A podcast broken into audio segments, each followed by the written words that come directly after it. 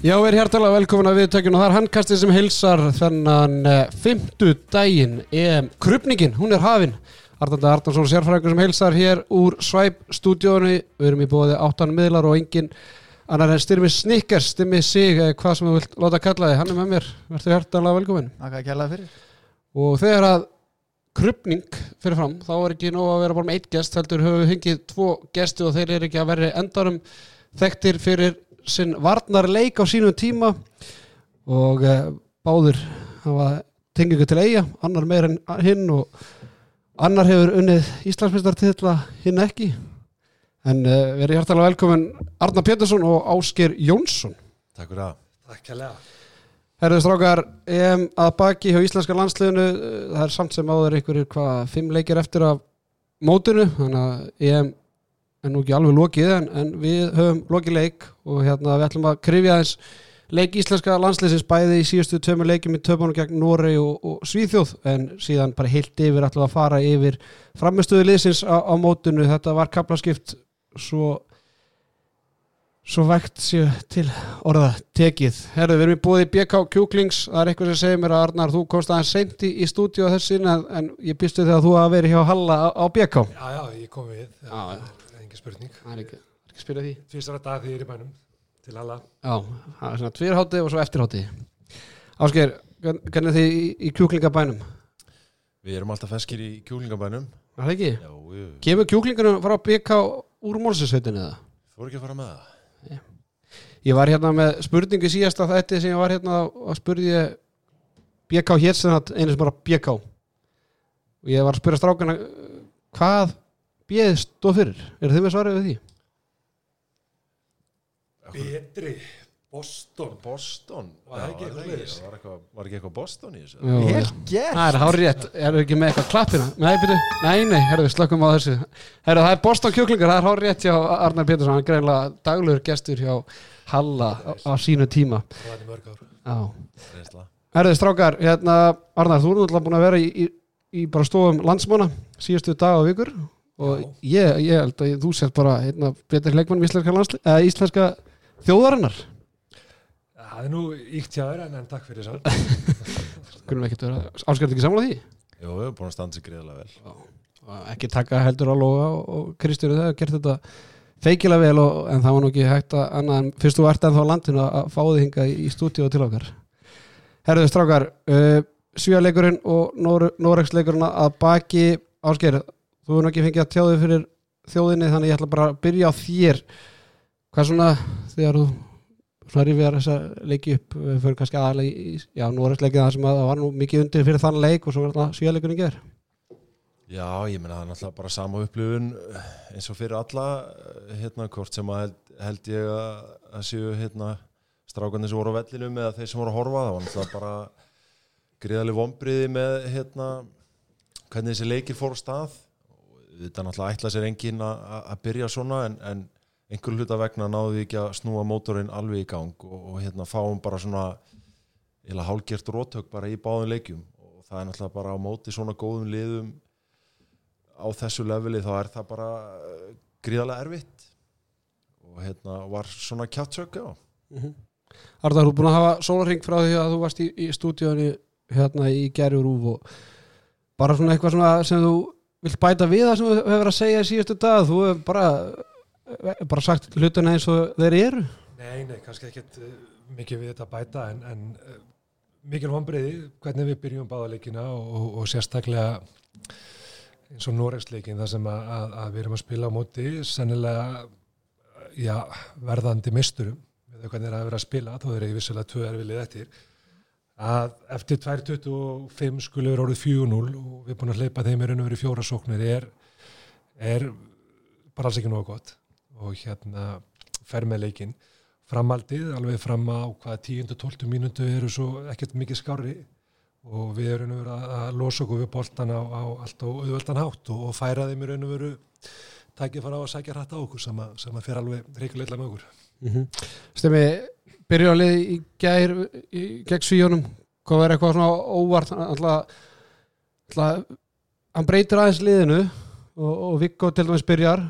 Ekki kannski margir kalla eftir en kannski frekar kalla þetta Viggo fái fái fleiri mínútur inn í miðjuleik. En, en byrjarlega í gær var eitthvað óvart stimmi? Nei, ég var alveg bara mjög hrifin að hvernig það setti þetta upp. Ég var búin að kalla eftir því fyrir móta svona mitt drauma scenario að væri að sjá Hauk og Aron saman og kannski ekki alveg, ég var búin að sjá þetta aðeins öðru sér fyrir mér í haugunum, heldur en í gær en, en það sem bara svona ég tek mest úr þessu leikjum bara komur óvart bara andlis í finnst einhvern veginn bara sá það heim í stofu í gær sko bara það er svo menn nendu sig ekki. Það var bara svona einhvern veginn 60 mínútur sem þurfti að einhvern veginn að koma frá sér og þú veist, ef við höfum tekið upp í gær þá verður fengið alveg rjúkandi illa mannsæstir mann hérna og þú veist, ég var, ég, ég var brjálaður heima á mér í gær sko, eftir leik.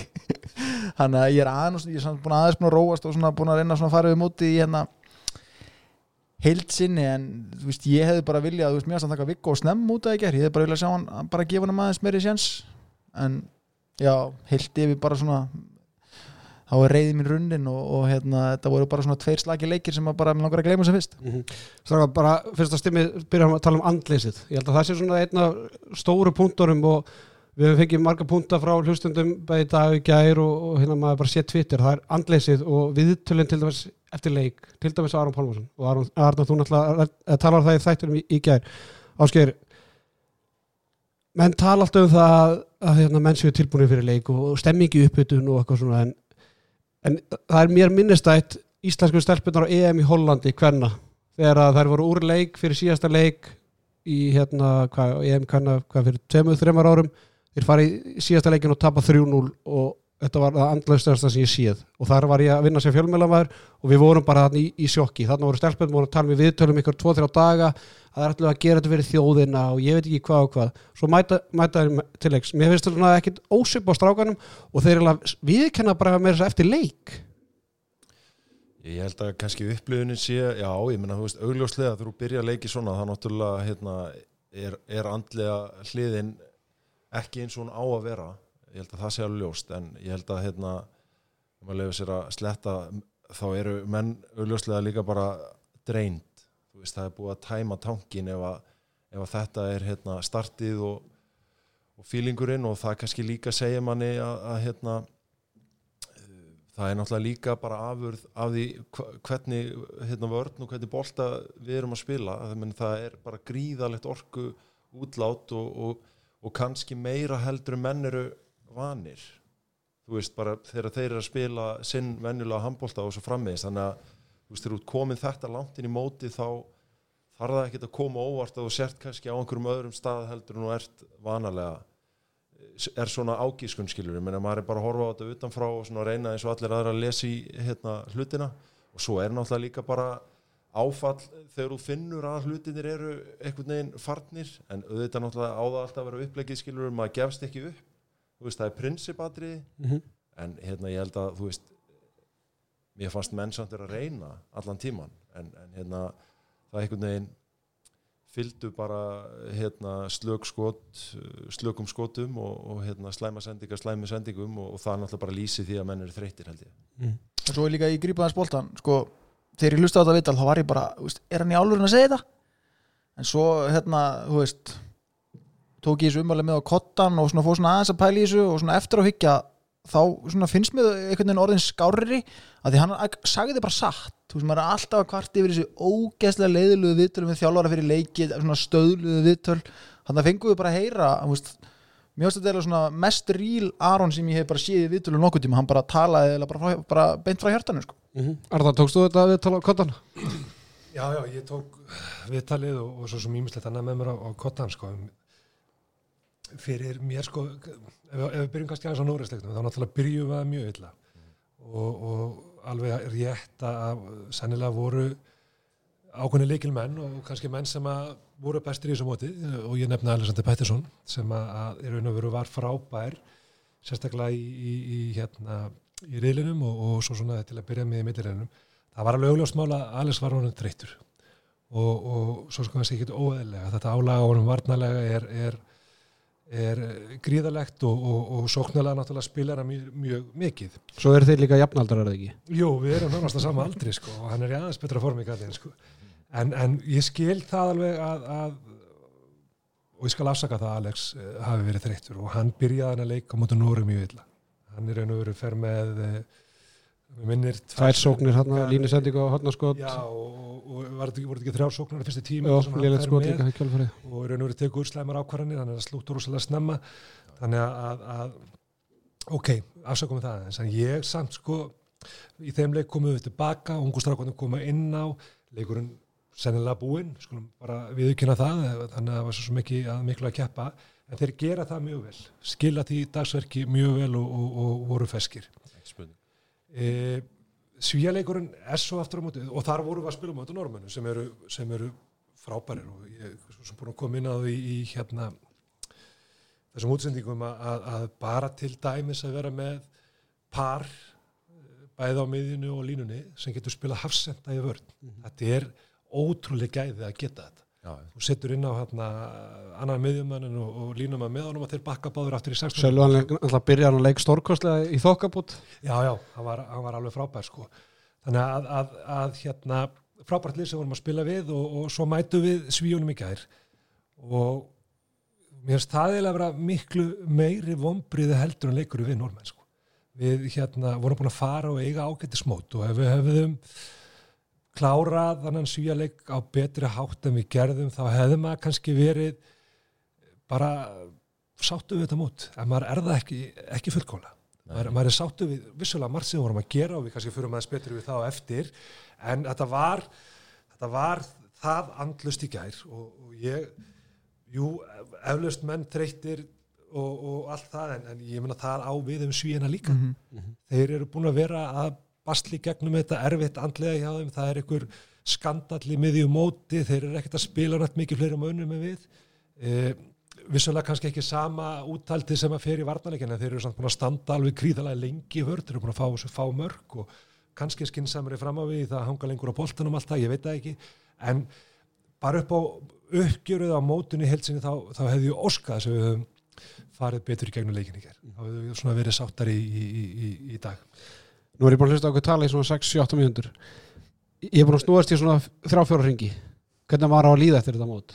Því að við vinnum, við vinnum Dani bara í frábæra leik. Við slátur rúsum, við vinnum frábæra fyriráleikum undir ungurum við vinnum stórskendið lið Portugals sem að þú vildi meina að fyrir leikað ekki væri bara betur enn Ísland í, í dag. Þannig séð. Já, þannig að það- minnst þetta, minnst þetta frekar vera allt á kaplaskipti ef eitthvað er. Og eiginlega bara og kaplaskipt bara fyrir minn smekk Ég, held að það sé svolítið niðurstaðan, ég held að hérna, við getum ekki og ættum ekki að vera sátt eftir þetta mót með hvernig það spilaðist, þá væri bara hérna, bara batnalegt að halda því fram, aftur á móti eh, sá maður fullt af jákvæðum hlutum líka og það er eitthvað til þess að gleðjast yfir, ég meina hlutinni ganga bara ekkert alltaf upp. Veist, það er líka þannig en, en ég held að engin landslísmaður engin í þjálfarateiminu og- eða nokkuð stuðnismaður sé eitthvað sérstaklega ánað með hvernig við spilum úr góður stöðu sem komum varu við nýttum ekki tækifærið því miður þú veist, menn reyndu skiluru og, og hérna og, og bara auðvitað voru allir að gera sitt besta en, en við bara hittum ekki á það og, og, þú veist, á endanum er það náttúrulega hérna, gríðala gríð, náttúrulega mestu vonbriðin eru unguraleikurinn hérna, setni háleikurinn þar og, og svona eftir á higgja kannski hefðu við geta rúla liðinu öðru vísi svona með hvernig menn komu svo inn í, í leikinu þar á eftir. En þú veist það er svo auðvitað að vera vitur eftir á sko. Já, en ég held að enginn sé sáttur en að samaskapi fullt af jákvæðum punktum til þess að taka áfram sko. ég, ég er alveg sko sammála með, með hann ungverjarleik, hann á eflust þetta að sitja hvað lengst í okkur. Við vorum með svo góðu tæki að fara í svo góða stöðu í svo góður stöðu inn í millirilina þú veist, þú, tölum um að rúlla aðeins liðinu sko, ég, við hefðum alveg getað rúlaði aðeins betur í rússaleiknum ég hefði alveg viljað sjá Alexander fá aðeins lengri pásu þar en ég, ég er ekkert vissum að tímundi til viðbóta þar hefðu kannski skiptu höfum álið þau upp í staði sko. en, en ungverjarleikurinn var erfiður og hérna og ég, þú veist ég var að tala eitthvað um hann á Portugal leikum mútið Portugal bara tölum að móti, bara segðu allt sem þú vilt segja þeir eru podcasti. Portugal, já, sko Portugalanir það er, ekki, það, er, það er enginn að telja niður hérna eins og í ríkistofnir það er hérna maður þarf stundum að býta tunguna sig það að hérna mér, og ég fer ekkert ofnað, mér finnst Portugalanir í dag vera með e, betra liðið við, þeir eru með fleiri e, leikmenn sem að eru í aðeins hærri gæðarflokki, þeir eru sterkari líkanlega, þeir eru þingri en við og, og þeir geta rúla aðeins betur en við eins og staðan er í dag. Við þurfum líka ekkert annað en að skoða bara úrslitin hjá portugalskum liðum í meistaradildinni í vetur til að sjá að þeir eru að gera alveg hluti. Og það eru leikmenn bara sem er að spila þar. Já, Það er já, bara ég- með fleiri leikmenn sem er að spila á hæsta level en við. Akkurat sko, ég meina þeir eru vinna kýl í kýl og þeir uh, tapa með einu heima fyrir kýl kýl er uh, eitt besta lið í heima og búið að vera. Mhm. Og, og það er bara markvissu uppbygging búin að eiga sér staðana sem er aðdánaverð og við kannski ættum að þess að kannski bara skoða þess hvað þeir hafa verið að gera. Og það komum við líka inn á þetta líkamlega dæmi við, veist, þeir eru bara sterkar við. Og hérna og það er kannski eitthvað sem við ræðum kannski líka aðeins betur eftir, við, við þurfum að gera eitthvað í þessum partí sko, af, Mhm. af, af þessu leik sko.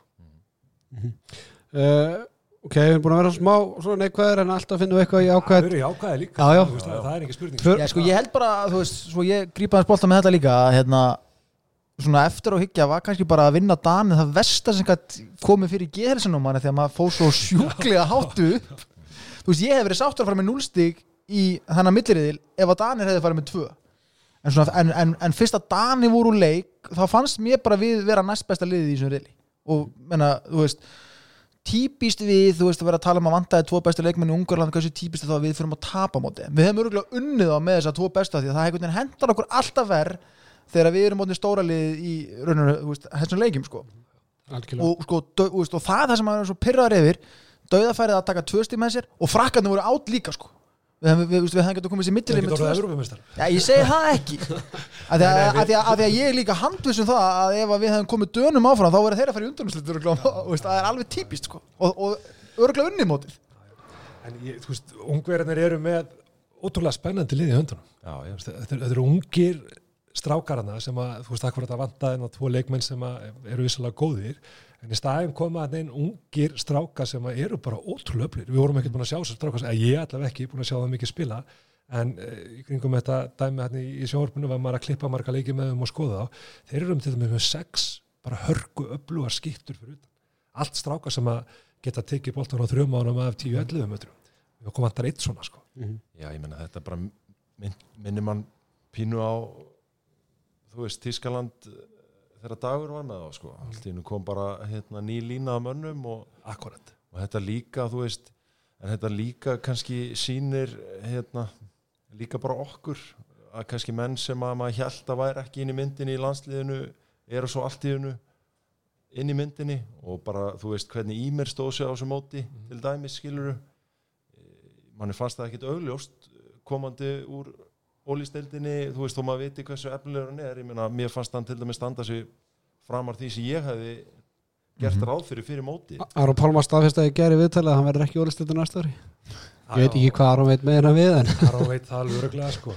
En ég meina, ég held að, þú veist, flestir hafa gert ráð fyrir að hann fær út, en, en mér finnst það bara líka, þú veist, sína þú veist, þetta er þetta er, hérna, þetta er bensín og eldin fyrir leikmenn sem er að horfa, skilur þú veist, þetta er innan seilingar, sko já. Þú veist, og það hlýtur að vera frábært dræf og, og ef við tölum um þetta jákvæð að, að, að, að, að hérna, það voru fullt af jákvæðan punktum og þú minnist á ími er, er, er ég að Nei, nei, nei. taka stjórnum? Nei, nei, við erum bara hérna í- Erum við ekki bara að spjalla? Jú, jú, jú, jú. að hérna að, því vorum að já, ræða ími og þá elvar með honum Mm. ég fyrir mót uh, hafði langmestar áhyggjur af hafsenda stöðunni í liðinu Þú veist, ok, Arnar er búin að vera hana að spila þessa stöðu á móti ími og fyrir mót svona áttum maður kannski alveg svona því að hann myndi spila eitthvað.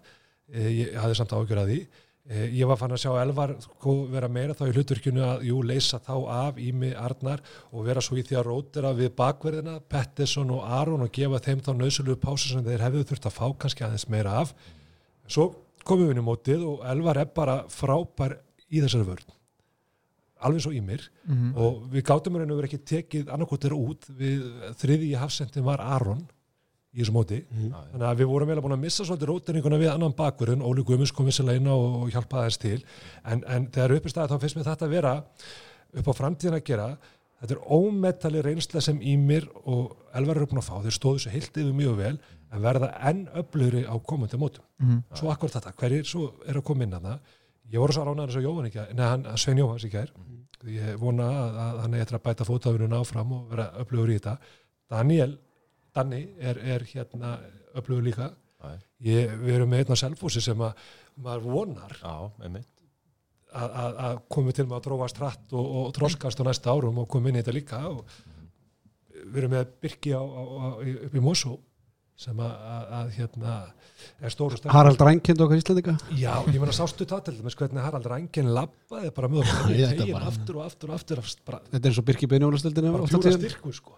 En það, þú veist Það er skiptar með tvö, tvö hjá Noregi sko. Já, já, en hann er sann sem að þriðja markaðasti Já. leikmaður kíl í tískúrústil Já, ég er að segja, já, sínum bara breytinni í þessu liðum. En það, þú veist, eh, það er líka hérna, eh, samt eh, sko allan að svona, þetta er maður alltaf allan að ég er bara þannig byggður ég hugsa mikið um varnarleikin sko það er hérna þú veist líka pínu erfi staða og eitthvað sem, sem þarf að hugsa um sko þegar þú ert að spila mútið svona þungum leikmanni ef hann kemst á fyrsta og annars þú veist að að vera í þeirri stöðu að vera sífælt að bakka undan sóknumanni sem er þungur skilur en hafa ekki tækifærið á að veist, beita eðlisfræðinni í að stíga fyrsta skref fattaru eða mæta honum í loftinu eða, eða eitthvað slíkt sko og það var það sem hann gerði svo gríðalega vel í þessum leik að, að hérna út af því að Óli er í hárri stöðu í upphafi að setja bara þungan á hann og keira niður.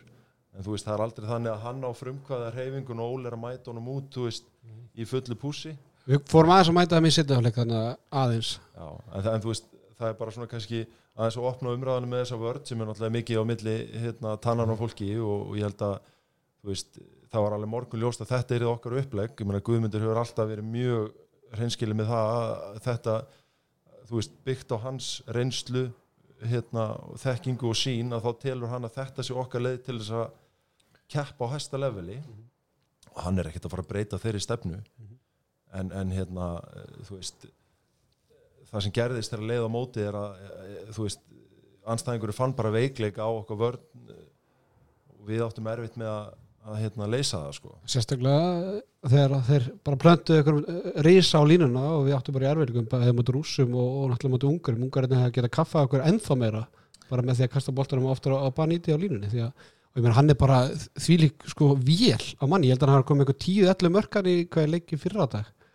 Úr 12 skotum. Já, já, hann er, var okkur mjög erfiður. Mér fannst við svona ná að loka svo fyrir það þegar að leiða mótið akkurat þetta. Já. voru svolítið vandraði með samsettu kerfin þar sem að sem að menn voru svolítið að tæma öðrum megin og, og, og, skilja eftir mikið pláss. Og tvöfaldar klippingar og svona sem fóru illa með okkur en veist, þetta er líka bara skilur hluti á reynslunni svo segir, þetta er svo ung miðurblokk hjá okkur og, og hérna og ung vörn, bara og- per se ekki komið langt með þessa vörn. Ég meina Arnar Freyr var okkur fyrsti þristur fyrir árið síðan og ég meina hann fær ekki hann fær ekki korter á þessu móti. Ég held að það sé bara, þú veist, e- ef að þetta er varnarupplegi þá held ég bara að honum sé engin greiðu gerði með að vera settur í þessa stöðu hann getur staði hörku vörnins strákur en hann er ekki leikmaður sem hún vilt vera að se- senda upp á hérna, tíu metra hvað eftir annað að- að að takast á fótunum við bestu fyndara í heimi sko. Nei, nei, ég, ég er alveg sammálaður. Hann, hann hefði samt sko, mann hefði viljað sjá hann uh, vera orðinu öflugur á fótunum. Ég binda ennþá mikla vonu við hann að strák batt miklar vonu við hann fyrir einhverjum ára síðan. Og ég vona innilega að, að, að hann eigi eftir að springa út en mér finnst því miður fótavinnan ekki vera að, að, að skilja sér nægilega rætt en vonandi gera það. Það en hann hefði kannski geta verið í svona svipu hlutverki þó í mér og falla svolítið aftur á línuna og elvar í, í slagingum Já, með framann en, en, en, en ég skil gum alveg. Þjóðverðarleikurinn leikurinn eða svíja leikirinn voru hann var ekkert að selja menn neitt þar en ég, þú veist, var- varandi varnarleikin ég, ég líka ég, þetta er maður með ekki meint efasendir, maður hefði alveg vilja sjá eitthvað annað.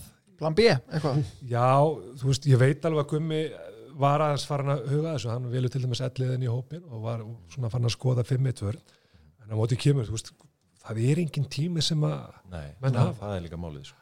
að, að hvað voru þetta, 5 dagar, 6 ekki einn dagar, að einhverleikur já, einn aðeingalegur, þannig að þú veist, tími fyrir breytingar eh, eða komin einhverju nýjum hlutum þegar þú ert jafnvel eins og í þessu tilfelli að koma í mig og elvar inn í einhver ákveðna rútinur og með eitthvað nýjum leikmunum að, að þá er rosalega lítill tími sem við höfum til þess að gera einhverja breytingar.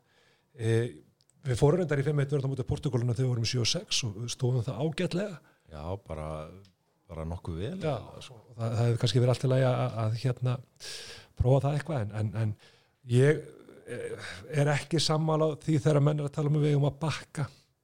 Gummi svaraði því ágætlega bara í viðtali hvað ég eftir leikinni gæri eða fyrir þetta þar sem hann sagði bara við ættum ekki sens á mótið þessu liðum við ætlum að fara að bakka, þá myndið þið bara skjóti yfir okkur og, og, og ráðast á okkur. Já, og, og, og, og sjáuð svíjana tímabili. Mér fannst við bakka nefnilega þess að móti svíjónum í gær. Við bökkum mótið Núrið fyrir áleik og það er Já. bara að við sjáum hvernig það fór. Já, og enn frekar á móti svíjónum við vorum að Já. fá svolítið að mörgum á okkur þar sem að uh, við vorum allavega staðsettið vilinni puntalínu og, og þeir komust upp á, á fjark að línum var á milli, milli hafsenda og þeir voru að koma svolítið upp í frí skot og, og við ríðum bara enga með við það þeir völdu hopn á okkur og við veitum líka að, að, að það er engin draumastæði fyrir okkar markmenn að fá þessu skot fyrir utan. Nei.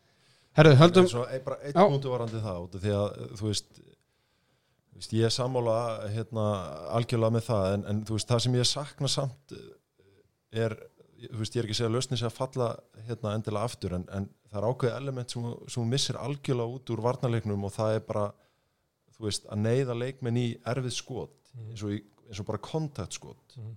þú veist og, og að hafa það element ekki inn í varnarleiknum heldur sem þá bara option skiluru þú veist eh, á móti að minnst einhverstu sömum liðum allavega er einhver sem ég sakna bara svona út frá því bara tölfræðilega þú færði á því x mörg skot í leik veist og hérna, nánast enginn að þeim séu þannig skot fattaru það sem að er annarkvort verið að mæta þér í skotinu eða þú veist neglaði í skotinu til þess að gera það erfiðara fyrir. Veist, það, þau moment fannst mér svolítið fara út í að vera svo aggressífir á endanum þegar vörðin opnaðist þá er þetta döðafæri, línufæri hotnafæri, þú veist og þetta gerist það líka þegar þú ert að spila svona aggressífa vörð, hún opnast og þá er hún bara lítur ekki og það er náttúrulega eitthvað sem að gummið náttúrulega veit mæta vel og sætti sig við, skilur Herðu, strákar, höldum aðeins áfram, við ætlum að fara aðeins stöðu fyrir stöðu og bara svona heilda fram með stöðu, þannig að við byrjum bara á, í markinu þar sem við vorum aðeins byrjar að tala um markvösluna. Björgur Páll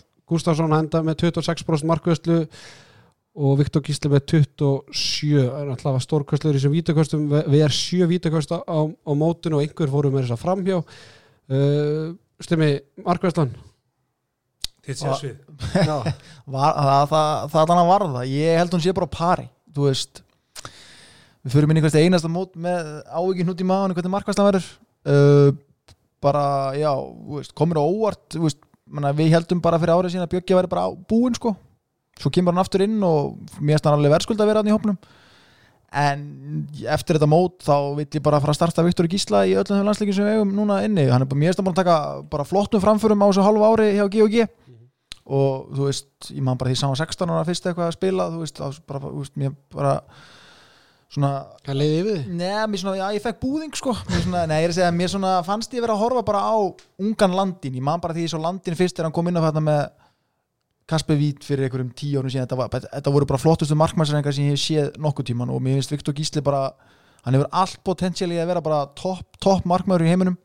Og mér fannst bara, eins og segið, maður hefði ekki síðan spila núna í einhverja sex mánuði fyrir síðan að fór. Og mér finnst hann bara líta ríkalega vel út og við, mér finnst eigum bara að satsa á hann hérna á, á hérna næstu árum sem við gerum öruglega hver svo verður partner með honum verður bara komið ljós. Ég, ég var búin að heyra ykkur svona gárunga að ræða náttúrulega markvæslana fyrir mót og menn höfðu miklar áhugjur uh, Viktor Gísli uh, er að spila í Danmörku en hafði ekkert verið með þvílíka vörslur og, og prósendan segir sitt. Björgur Pall var svona dottin út úr þessu en var að vinna sinni í þetta aftur þannig að hann var svona bjartasta vonin og svo Ágústi Ágúst Eli hefur átt svona erfitt að uppdráttar í, í Svíþjóð og hann er náttúrulega bara fyrir frá Sæfihóf eftir þetta tíðabil þannig að ég er sammála stimma þetta komið bara virkilega óvart. Það var engin leikur ef með minnir það sem að báði markmiðarnir voru bara slagir. Og ég, ég var ræð gær kannski, já, ég gær, Svíþjóð einu leikur já, já, það sem allir voru bara andlega ekki fjár já, það var ekki, það var ekki hægt að peppa sér í leikin og þetta var svona í mitt. En hérna, ég var bara að rifja upp þú veist, móta sem Birkir Ívar var Bjöggi, Reyðar, Arrab það sem var stundum sko skiptmyndli markmanna þrís og fjóri sem við einum leik. Það var svona orðið bara svona eðlilegt til íslenska landsluna tímabili. Það var aldrei í þessum Bjöggi byrjar eitt leikir slagt og Viktor kemur inn bara maður leiksins í kjölfarið mótið Nóri Já, ég, ég er alveg, þú veist, ég sagðist að hafa haft ágjur af miðurblokkinni og, og ég hafði líka tölurverðar ágjur af markústinni. Þetta hefur svona verið fyrir hvert einasta stórmót, maður er eiginlega bara hættur að tala um það, sko, og síkastið að, að, alveg Birkir er að varna, að, þá hefur maður haft ágjur af markústinni. en hérna, ég er alveg sammála með það, mér fannst þeir bara standa sig vel. Eh, Mér fannst Björgvin eh, ég held svona að, að hann væri komin nær endalokunum en hann er, hann, hann stóð sig á margan átt bara mjög vel í þessu móti og, og, og, og svo kom Viktor frábær inn og, svona gaf mér þær væntingar að, að framtíðin sé björt og við séum að, fara eignast markmann í fremstöru ég held líka, veist, ég hef mikið álita á, Ágúst Eli og ég hef nefndra mikið álita á Aroni líka.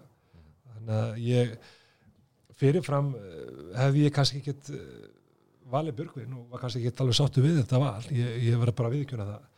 En svo held ég og ég er svo sem mun að koma inn á það eitthvað tíma áður að, að svona upp á framtíðin að gera að fá, fyrir Viktor Gísla fá eitt mót með Björga sem er svona reyndur og svona rútinur að er í svona mótum, búin að fara það oft í gegnum þetta, sé ómyndaðilegt og ég held að Gummi hafi svolítið verið að veðja á það bara, Gummi bara tók þann það veðmál að, að til þess að gera Viktor eins góðana og við getum til að hjálpa honum eins mikið og við getum, þá læti ég hérna Björgum Páli vera með honum þetta mál. Svo let Bjöggi Viktor á bókina sína þannig að hann var ekki toppmálu bara. Já, var það þannig? Já, það hlýtur að vera. Já, og svo náttúrulega erum við með frábæra markmannstjálfara með þeim þannig að ég held bara að, að ef við sumurum markið upp að þá séum við bara nokkurnu veginn á pari að bila þess yfir það en höfum lagt inn alveg ótrúlega upp á, upp á framtíðan að gera Ásker, ég ætla að byggja þeim að svara annar spurningu Já. Bara horfum eitt ári fram í tíman Hver verður í markinu í Íslandska landsleginu á næsta strónvaldi? Uh, ég held að verði svömi tveir sko Það er svoleiðis Já, ég, ég meina mér, fannst mér fannst þetta að vera rétt val eh, hérna þú veist og á þess að halli á nokkuð í því sko. Bjöggi var allavega ekki að spila þessu út úr landsleginu með Nei, framistinu alls- þessu móti sko. alls ekki. En maður bara svona tala um aldurinn það finnst svolítið eftir hvar Ágúst Eli endar eftir Safuhófæðin finnst mér sko. Mér finnst það svona, Hver- Hvert er hann að fara? það er ekkert komið í ljósið það. En við skulum skupa ég lofa því að þið voru búin að hlusta. Já. Já, þú veist, ég, ég kemur ekkert óvart út að þessi tveir verði hérna áfram og, og þú veist, er samt kannski eftir móti varnarleikurinn ekki endilega það sem brást sko, það er í rauninni miklu frekar sóknarleikur Meir um það síðar. Já, meira en það síðan sko. þannig að hérna, bara, svo, bara svo það sé sagt að þá var þessi varnarleikur betri heldur en ég átti vona á fyrir mót. En ég held að, hérna, þessi tveir verða þarna á næsta móti. Að því gefnu náttúrulega að hérna, þeir haldi áfram að Æfa, æfa sig. Æfa og, og hérna, æfa sig í íþróttinni. Og Hvað Viktor er á næsta móti, er hann, er hann orðin 16, á- 16 þá? hann er náttúrulega kottnungur en það á markmanni að vera og, og Já, ég meina, þú veist, bara hérna, þvílíkt upplýfgandi að að sjá sprettina hjá honum á þessu móti og, og hérna, þú veist, ég meina, landin skilur þegar hann kom fram að sjónasviði, sko, þú veist, og, og langt fram eftir sínum ferli var, var hann ekkert alltaf stöðuður, sko, en, en þú veist, maður sá skilur við gæðin og í hvað stemdi og hérna, og, og það er það sem að þú veist, heldur manni virkilega vongóðu með Viktor Gísla skilur að þó að hann hafi ekki alltaf endilega verið eitthvað stedd í ykkur 40% markvæslu þá sér maður bara fyrir svona unga markmann sem býr yfir svona miklu gæðum það bara eh, er ótrúlega jákvæmt að sjá. Herru, fyrir mig í vinstra hotni þar sem að eh, já, Guðjón Valur Sigursson endaði með 26, nei, átjámörk átjámörk úr 26 skotum 231 mínúnda 69% nýting og Bjarki Mára með 23 mörk úr eh, 32 skotum. Spilaði hvað einum hálfleik minna rúmlega en, en Guðjón Valur, Guðjón Valur markaðist í leikmæri Evropamótsins frá uppafi Arnar, ég ætla svona bara að henda sömu spurning á því og ég henda á Ásker hver, hverju verið vistur hóttina eftir ár skemmtileg þessi sko. E, ég hverju verða Bjarki Már verður hann að klálega og hérna ég held að þessi er erfið maður. þessi er, þessi er mjög erfið því að þú veist hvað eru að tala um? Við erum að tala um uh, Segir bara ok, næsta landsliðarkinu bara. Já, gu- sko við erum að tala um við erum að tala um Guðjón Val sem að er sennilega einn af þrejum bestu handbóltamönnum sem við höfum átt á stórkostlegan feril og og hefur fært okkur svo margt.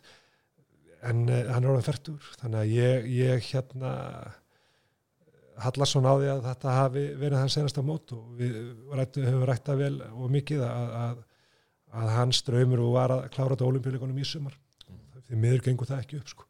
Verið eitt samt aldrei, þetta er handbóltin Já, reynda sko, reynda sko, það hefði verið frábært að kveðja Guðjón Val á, olimpíuleikunum í sömur en, ok, erfið spurning, uh, Bjarki Már verður þarna, uh, Stefán Raffn, hefur hann heill verður væntalega með honum. Annars hefur við nokkra unga, mjög efnilega stráka sem er að koma upp í þessu hotni og sem hafa haft Guðjón Val sem fyrirmynd í, í 20 ár. Þannig að það er aldrei að vita hver deilur sem er bjarga En ég, ég ætla bara áskil, ég ætla að lega þér að svara þessu. Arnar tala um að þessi ungir efnilegir leikmenn að koma og ég finnst ráðinu, en er eitthvað svona getur þessi spila bæði vörn og sókn, mér að Dagur Gautur hann er alltaf lítill til að vera í alþjóðum bolta í vörn og sókn. Þannig að er ekki of langt bíl í næsta af þessum ungum, er er ekki bara steppi næstur inn? Já, ég menna, þú veist, steppi sko þrítur þessu ári sko. já, ég menna, dagur er hann, hversu mikið minn hann en Arnór Þór, það er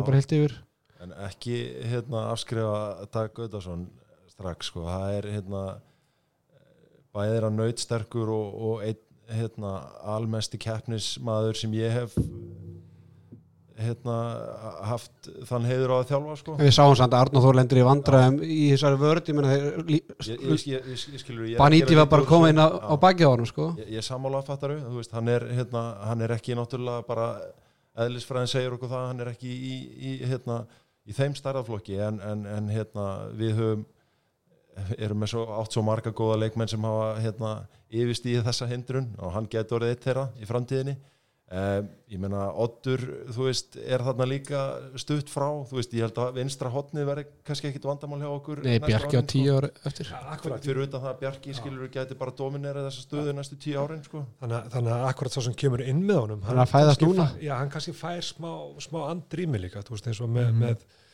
með hérna marga þessum ungu strákum sem hann kannski vantar í dag líkanlega styrk eða, eða eitthvað sem að svona skortir, þeir fá alveg tíma til aðlagast meðan að Bjarki er heill og, og í því standi og því formi sem hann er í sko. já og náttúrulega, já já og Stefán Rafnan Bjar, Bjarki er frábær, er næst markaðastur í Þýskalandi Já. og, og í raun og veru ef það væri ekki eitt ekki Guðjón Valur hérna í hótnuna þá væri hann alltaf búin að spila mikið meira sko.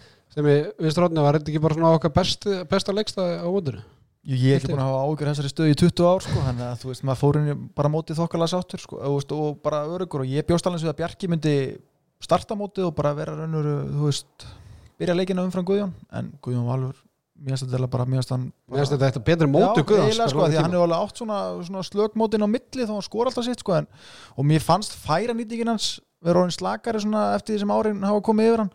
En mér fannst hann bara, hann vallast steik þannig sé félspor í þessum leik nema í þeim leikin bara þegar allir klikkuð já, já. og ég meina hann átti risa moment sem kannski var ekkit svo mikið það voru svona önnu moment kannski sem að fengu meira aðtikli eins og í danaleiknum en þú veist eh, því líkt fyrirlega moment hann tekur hérna frákast, skorur yfir allan völlin innleysingin hann í restinin og línuna þú veist, bara hreitn unaður að horfa á sko mm. öll 40 árin hann bara summeriðist í eina innlýsingu það var indislegt sko þannig að hérna, hann getur þú veist, þetta var bara nokkuð solid mót hjá, hjá Gauja sko. Já, já, svo, svo gæti Gauja alveg átt 2-3 ára Já, já, við erum, erum ekki búin að afskrifa hann. Nei, alls ekki. Herðu, fyrir í, í vinstri skittuna þar sem Ara Pálmarsson uh, var með 23 mörg, einna markaðastu leikmennum íslenska liðsins með 43% í nýtingu, 266 spilaða mínúndur uh, Óla Guðmundsson var með 13 mörg úr 25 skotu 52% nýtingu og 151 mínúnda spilu. Meira svona varnar hlutverki Óla en hann kom alltaf gríðarlega sterkur inn þegar að leið á mótið, ég, ég stimmi hlófum að hann sóknarlega til að byrja með í mótinu. En hann heldur betur áttur alltaf stórleik þarna á móti Nóri uh, strákar, Aron Pálmarsson alltaf mikið á milli tannana skiljanlega, leikmaður Barcelona og bara á mörgum talin eitt besti leikmaður í, í heimi. Ásker, Aron Pálmarsson á þessum móti hvað gefur með einhvern? Uh, heilt yfir, náttúrulega er hann ekki að fá neitt einhver. Ég vil bara fá eina tölu. Einni með tíu. Ég veit það ekki. Ég myndi gefa honum sjö. Það er svo, svo mikið.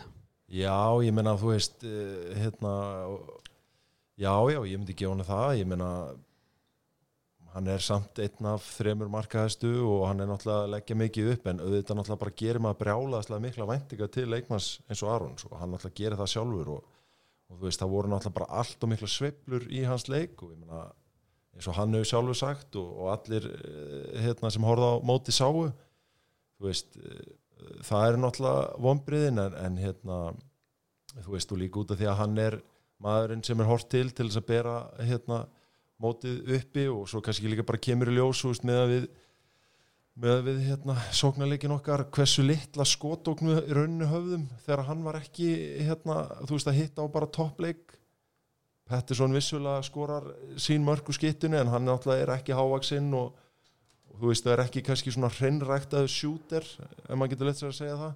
Þannig að hérna með að við hvað við í rauninni slútuðum mörgum sóknum með langskotum þá hérna þú veist með að við kannski vera ekki með endilega svona firing squat svo ég haldi nú áfram hérna í þessari ömulu þessum ömulu ennskuslettum þú veist en já Aron þetta var hérna ég vil ekki að segja annað en þetta sé vonbreiða mót. Og hérna þannig skilur við út af því að, því að sveifluna voru það miklar og, og að sjálfsögðu eins og hann bara gerir sjálfur það eru allir sem horfa til hann sem leiðtu hans og sá sem á að bera þetta á bakkinu en það er heldur ekki hérna, engin hæða leikur að gera það bara sí svona sko. Herri, ég ætla að spila hérna viðtal við Kára Kristján sem var sínt á, á Rúfi í gær. Það sem að tala um Aron Pálmarsson. Ég verið að nýta svona mikið í Aron Pálmarsson. Ég, ég bara, þú veist, næði ekki. Þetta er gæði sem að það er ætlast til þess að hann að beri þetta uppi algjörlega á herðunum. Og þetta, við erum að spila mjög háa ákveð bæði sérstaklega varnalega, sóknarlega líka. Og þetta er bara maður skil, auðvitað viljum við öll að standa okkur en hérna, mér veist svona full vel í lagt hvernig hérna umræðan er um hann. Ok, strákar, nú ætla ég bara að spyrja. Og Arnar, þú ert nú úr eigum eins og Kári. En hvaða umræða er Kári að tala um? Það er eitt þáttur sem er að fjalla um þetta. Það er, eða fyrir utan okkur, það er, það er rúf Já, það er einhver umræða á Twitter. En ég meina hún er nú ekki hún er svona frá misgálumunum Já, hún er, það er kannski segjum hundra manns á segjum þetta Twitter. Hvað er Kári Kristján að tala um í þessu viðtali eftir tapándi síþjóð í lokuleiku og ég? Þú verður alltaf að bara spyrja Kára að því sko. Þið þið hugsið alveg eins að því Nei, nei, við, ég Ég hérna meina, má ekki, þú veist, hvað vilja, vilja þú veist, má ekki tala um leikmenn, má ekki gaggrina, þú veist, ég meina, já, ég, Já, já, ég, ég hérna svo sem alveg sá þetta viðtal við, við Kára og hérna en þú verður náttúrulega svo sem að bara fáðu upp á honum hvert hann og, og hvað hann er nákvæmlega að meina þarna. En uh, við náttúrulega við rósum þessu strákum. Já, alveg óspart. Og hérna við töluðum um uh, Aron sem uh, besta leikmann í heimi eftir þannig leikin og hann klálega sínd okkur það að þau gæði sem í honum eru og búa að, að, að hann er einn af bestu handbóltamunum í heimi. Og þegar við kannski förum hátt eins og við gerum þá og, og, og lefum okkur að rósa og, og, og raun og veru rósum þeim þegar vel gengur. Þá, þá, þá verðum við náttúrulega líka að, að minna stað að það er illa gengur. Það, það, það er ekkert, við komumst ekkert hjá því og þetta reynum við að vanda okkur og, fara vel í það. Eh, Aron Pálmarsson átti frábæra leiki á þessu móti. Hann var geggjaður á móti Danmörk og sannlega eitthvað besta framistæð sem maður hefur séð hjá leikmann í einu leik. Sturlu. Að þetta var bara ótrúlega að horfa á hann og bara eiginlega ég fæ mér þess að sko bara gæsa hún bara þegar við fyrir að ræða þetta sko. Hann var líka mjög góður á móti rússum og ég rosa á hann í, í, í sjóðsbæð, hann skoraði ekki mark en hann var að mata og búa til í kringu sig allan leikin hann endar ekki með tíu stóðsendingar, hann Jú, fekk eina Jú, höfu við arnandaði með hendum í bett á netinu og ráðlum fólki hann er um samanlagt með yfir 10,5 mörg á stóðsendingar já, og hann vantaði eitt mark, hann var með 10 stóðsendingar já, já, hann en það var sko, bara, hann var spilaði geggja það leik Já. ég fannst sko svona einhvern veginn uh, áran yfir honum þá svo mögnu, hann var ekkert að þess að hann var ekki að skora, hún var bara sama. Vorum að rúlega yfir þetta lið, vorum að spila vel og, og ég eiginlega svona fór kannski á enn meira flug eftir þann leik og það, þess þá heldur kannski urði líka vombriðin þeim mun meiri þegar, að, þegar að svona fór að blása þess á móti e, Ungurleikurinn, setnáleikurinn var hann mjög erfiður og, og, og hérna hann talar ennþá um það, ef hann talar um það í Já, ég, ég held að það hafi farið bara úr slilla með hann. Mm. Ég held að, að hérna, hann hafi því miður og sennilega dreigið það með sér svo inn í næstu leikju eftir sko. Og hérna eitthvað sem að maður var kannski að vona og ég, nú, getur, nú erum við náttúrulega bara fabulera sko. Mhm. að, að reynslan svona myndi forðanum frá því en, en ég held að, að, að þar hafi hann kannski svolítið átt að segja á því að, að, að þessi stóri sjens og það sem hann ætlaði sér klálega var að ná í velun á svo móti, hann var búin að segja það sko. Já, að það hafi svolítið farið áttu glukkan þar. E, setið í honum og, og hann, hann svona hann náði sér bara ekkert alveg að fluga eftir það. Hann vissulega kom tilbaka í leiknum á mútið Portugal þar sínd hann leiðt og að hefni fannst mér. Já, við eh, erum, við byrjum þannig leik frábælega og erum að spila geggjaðan handbólta erum að leiða vel og, og, og hann fer út af, hann, hann meiðist aðeins, kemur rétt aðeins inn og aftur, fyrir svo aftur út af og þeir eru að jafna okkur. Og maður sér það þá að hann kallar sér sjálfur inn á. Hann stendur bara upp á bekknum, tilbúin að koma inn á og, og fer með okkur aftur í það fórskot sem við vorum með fyrir hlýja þannig að þú veist, flottuleikum hjá hann þar. En svo var hann sennilega bara sprungin á því í, í senstu tveim leikjum sko. ég, hann er að spila fyrir Barcelona sem er eitt besta, eða bara sennilega eitt besta lið í, í heimi.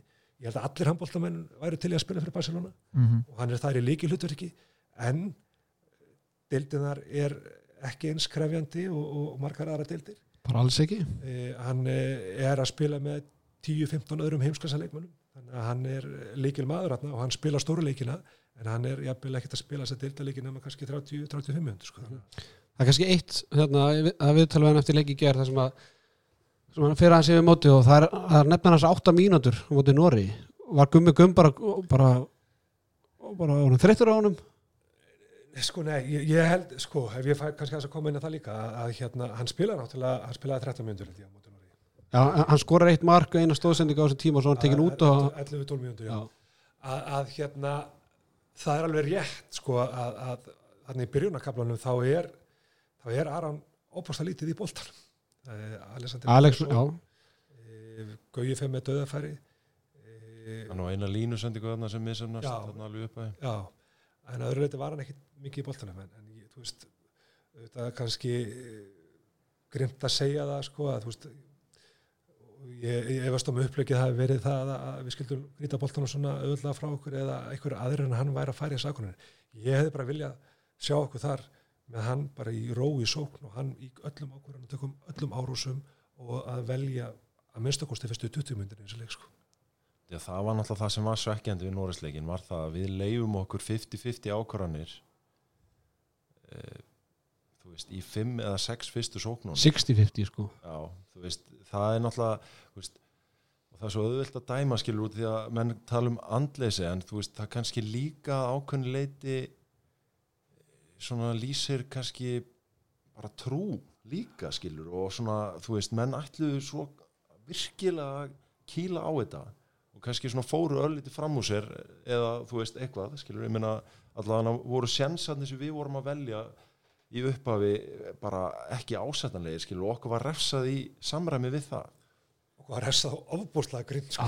Bara, Ég hef aldrei séð grimma refsingu á Nei, ég hef aldrei séð þetta 2.25 og 2.4 en svo náttúrulega þú veist spila hann lítið í þeim leik en þú veist það má aldrei ekki gleyma því að þú veist Hauku kemur inn, Óli kemur inn og Gerir þetta bara vel. eru, veist, já, bara virkilega vel skilur og vinna hérna, vinna okkur inn í leikin og það er búið inn í þrjú mörg þú veist ok, einhverju getur sagt að hann að setja Aron inn og aftur þá? Þú veist, ég veit það ekki. Einnig sók setna er þetta komið aftur í fjögur og svo fimm, þú veist, þannig að eh, ég held að hérna, kannski það hefði ekki breytt öllu en, en þetta var virkilega dýrma tími fyrir hérna, hinn unga Haug Þrastason að fá að bara klára þetta á, á sínum herðum. Stefið, þú var að tala eins um Ólaf Guðmunds. Mér finnst bara Óli hann óks Ásmegin, já. já. það var gefins að setja á öndir á hann manna fyrst sko. hann bara, þú veist, hann alltaf spilaði litla sókn og var hann bara voru lítið að horfa á markið en ég klálega svo bara eftir sem leiða móti þarna, skora þarna 1-2 mörk þarna í leikamóti, var ung, ungveri með eitthvað og svo bara eftir það var bara stí, stígandi í mótinu og, og menn á Twitter voru að kalla eftir að hann að spila meira svo ég, en þú veist nógum þessa tvo, mér langar að koma aftur inn og þetta viðtal við að kára sko, að því að ég veist ég spólum tilbaka nei, nei, nei, hérna. nei, þú veist bara það og svo statusum frá Bjögga eftir leik í gær Já. sem að ég man ekki nákvæmlega þetta er einhvern veginn að þú getur ekki tekið mér á mínu vestu tímum þá átt ekki skilið mig þegar ég er bestur eða eitthvað svona, laus þýðing á þessu veist, það trubla mig rosa mikið hvað þeir veist, ég, ég skinjaði pínu hefti þeim báðum umræðinni heima og ég veit að heimurinn er að minga með öllum þessum tækjum og öllu en þú veist, eru þeir bara liggjandi á samfélagsmiðlum upp á hotelli þegar þeir eru undirbúið sér leiki og pyrra sig á einhverjum jólasennin svo mér með 400 þú veist, ég er búin að fara yfir þetta núna bara síðustu 24 tímana var ég með eitthvað blameringar? Ég held ekki veist, þeir á Rúf, Arnar, Logi ég man ekkit eftir að þeir hafi eitthvað verið með eitthvað, með eitthvað blammeringa við okkar bestu menn menna Rúni fara að heyra það þegar England eða Messi, Argentínu Mikkel Hansen feg sko drullunni yfir sig frá þetta dönum.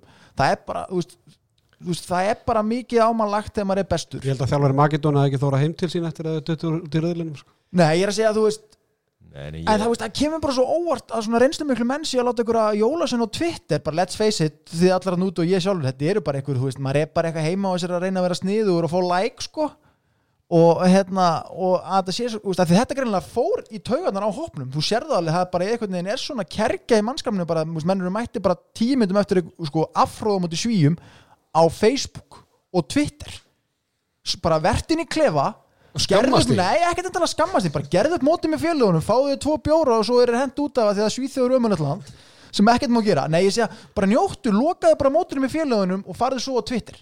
Það, það þarf engin að heyra hvað ykkur finnst um mótið, kortir eftir leik. Veist, það getur alveg beðið.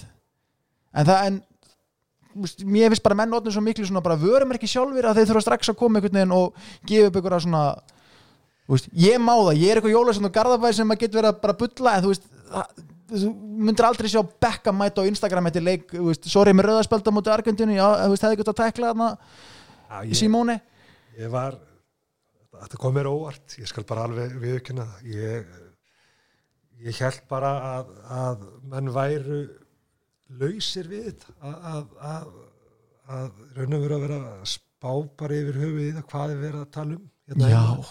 eða spá í umfjöllun eða, eða þó þú veist miðlunum ég, veist, ég held einhvern veginn að menn væru þarna úti svolítið lokaður bara frá þessum heimi Mhm. væri Já, þeir bara- Já, bara FIFA með strákunum Já, og svo nutt milli leikja, já. endurheimt og borða Já, og ég- sofa og... þeir eru svo bara allir með þetta í vasanum skilur við, það er Já, já, ég, ég fekk reyndar sko á, á mjög góðum tímapunkti á mínum þjálfaraferðli fekk ég frábæra ráleikingu sem var að, að hérna bara slökka á þessum sím Mhm. slökka á þessum tækjum og, og þú veist, það var ákveðin svona frelsun þegar ég tók það upp þú veist, ég meina sólaringur í leik. Það bara slögt á þessu.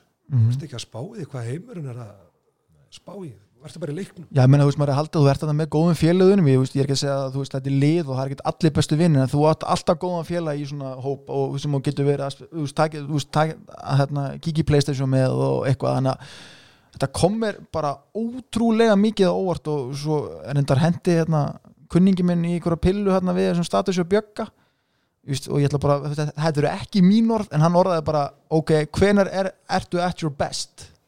Þú veist, með þetta, þú veist, hvenar, veist, hvenar eigum við þá að fá að njóta ykkar, þú veist, var það silfrið eða þú veist, við erum alltaf á bakvið þess að stráka og mér finnst það einmitt bara dæmið það, þegar við erum að kvarta á Twitter eða Instagram eða hvað það er okkur er ekki sama. Veist, þe- þetta eru strákanir okkar, verða það alltaf. Þannig að þú veist, mér finnst þetta líka bara svona hlutur um væntu þykju að þú hafi skoðun á þessu, þá er þeir auðvitað ekki saman með þetta Já, já, það, það er náttúrulega ekki allir sem setja það fram á einhvern málafnalegan hátt og það er náttúrulega eins og þú segir, það er fullt af af uh, netra, Já, já, þá er, bara tristir maður þessu strákum fyrir það að Já, þú veist, þeir eru með hausinn, þú veist, þetta er vinna þeirra. Og þú veist, þá bara, bara vill maður trista því og trúa að þeir geti bara lesið á milli einhverja vitlýsingar sem eru hundra manns á follow eða einhverja algjör jólasett skilur þeir, þeir gera það held ég öll í öfnu. Þetta kannski bara endurspeglar já, bara pyrringa til leik já, já, bara tilfinningar skilur þetta hérna eru þú veist, ætluðu menn sér eitthvað miklu meira og, og hérna þú veist, og, og þegar þú ert líka bara þreytur eftir sjöleiki á tól dögum og, mm.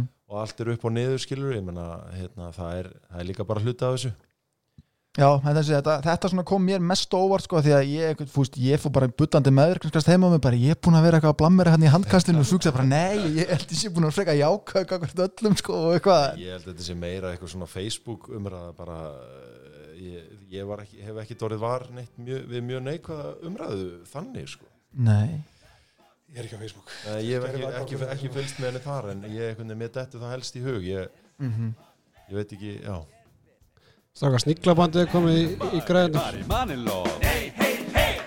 Við erum eftir á, við erum eftir á Selfoss þar sem við ætlum að fjalla um miðmenn okkar Elvard Jónsson, Janus Staða Smárásson og Haug Þrastarsson Strákar, það eru þrý selfisikar sem voru á, á miðjunni hjá okkur á þessu móti. Elvar Jónsson var með 6 markur og 18 skotum í annu staði með ní- 19 markur 28 skotum. Hvað, bara fjóruð markast í leikmaður mótsins og uh, liðsins og Haukur Þrastarsson 6 markur 9 skotum. Spila nú rúmlega einn heilan leik. Strákar, bara örstötum hérna þessa stráka, Elvar náttúrulega er búin að ræða mikið hann um varnarlega, var frábær varnarlega í, í teimi með Ími. Sóknarlega, ég ætla bara að fá ræða þetta, bara hrein bein vonbreiði kannski ómikið til ætlast að hann yrði fyrsti miðumar allt mótið, segjum bara að hann hefði byrjað þetta mót frábælega á hvað tímamótið ætlar að samt að út af því hann er e- okkar eini vardamaður með ími þannig að við vorum ekki með þrjá þrist, okkar þrjá þrista hérna, þrjá þrist þannig að á hvað tímamótið hefður, hefður við kjeltan hann að kannski var það bara hans. Já, ég, ég- held hann hefði sko, hlutverk hans var risavaksi varnarlega. Og þar að leiðandi spilaði hann kannski líka minna sóknarlega heldur en eh, hann hefði hann að skert mér hérna ég hef náttúrulega óbílandi trú á þessu strák og, hérna og, og gerir mikla væntinga til hans. Ég held bara að þetta mót fór bara í varnarleikjánum hann er 23 ára gamall og, og, og það að vera í þessu burða hlutverki varnarlega er bara er meira nóg ég, ég hefði samt svona, á þess að vera ósakart, ég hefði viljað fá kannski aðeins meira frá hann sóknarlega og þá sérstaklega í setni bylginni ég var ekki að tala um að hann hefði þurft að að spila uppstiltan sóknarleik, bara hann hefði komið með 1-2, ég menn hann var að sleggja svo inni á háum í, í munn henni fyrra. 1-2-3 mörg, bara í öllu mótinu úr setni bylgi, það var maður bara að vera ánæður Já, það kemur aftur skilur á ég ætla að vona það. Veist, hann, hann, já, ég menna það er ekkit það er ekkit að fara í grákutum með það hann hitt ekki á það þannig skilur við, það voru hérna bæði var hann að það var varið, skoti yfir, tapaði boltar og eitthvað svona í setni bylginu en, en þú veist, frábæri sprettir varnarlega og, og ég held að við þú veist, hann á eftir að vera þarna á komandi árum sko og standa sig frábælega ég er bara enga trú að öðru. Já, já, við sáum alveg sko með glefsur til dæmis það sem að Sako Sena ætlaði svona að láta reyna svolítið á hann sko þrjú fríkust í einn og sömu sókninni þar sem hann, hann tók hann bara svona, auðvitað Sako Sena ekkert mikið eldri ég er ekki að segja það, en Sako Sena er bestur í heimi. Þannig að maður sá svona punta og, og svona maður sá framtíð í honum, alveg gríðarlega framtíð í honum. Og ég laka mikið til að, að að fylgjast með honum áfram.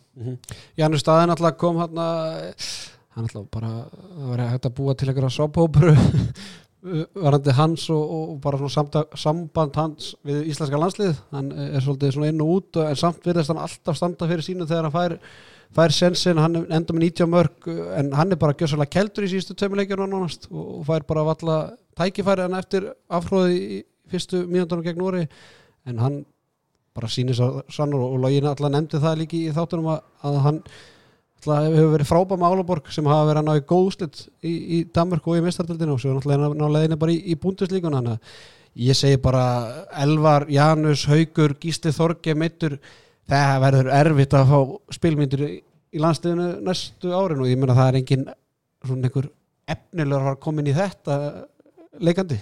Nei, það held ég ekki og þú veist, einmitt gísli hérna, er hérna líka en þú veist, ég meina Janus kannski svona leiða aðeins fyrir það svona þegar að leiða á að hann var í setupinu með Alex og, og, og Aroni og þú veist, og svo áttur erfiða byrjunir og þá, þú veist, í leiðinu rúla og þá kemur haugur inn með Óla og þeir kannski svona að smetla þú veist, allan eins og í veist, mér fannst ekkit eitthvað svona beint við hann að sakast.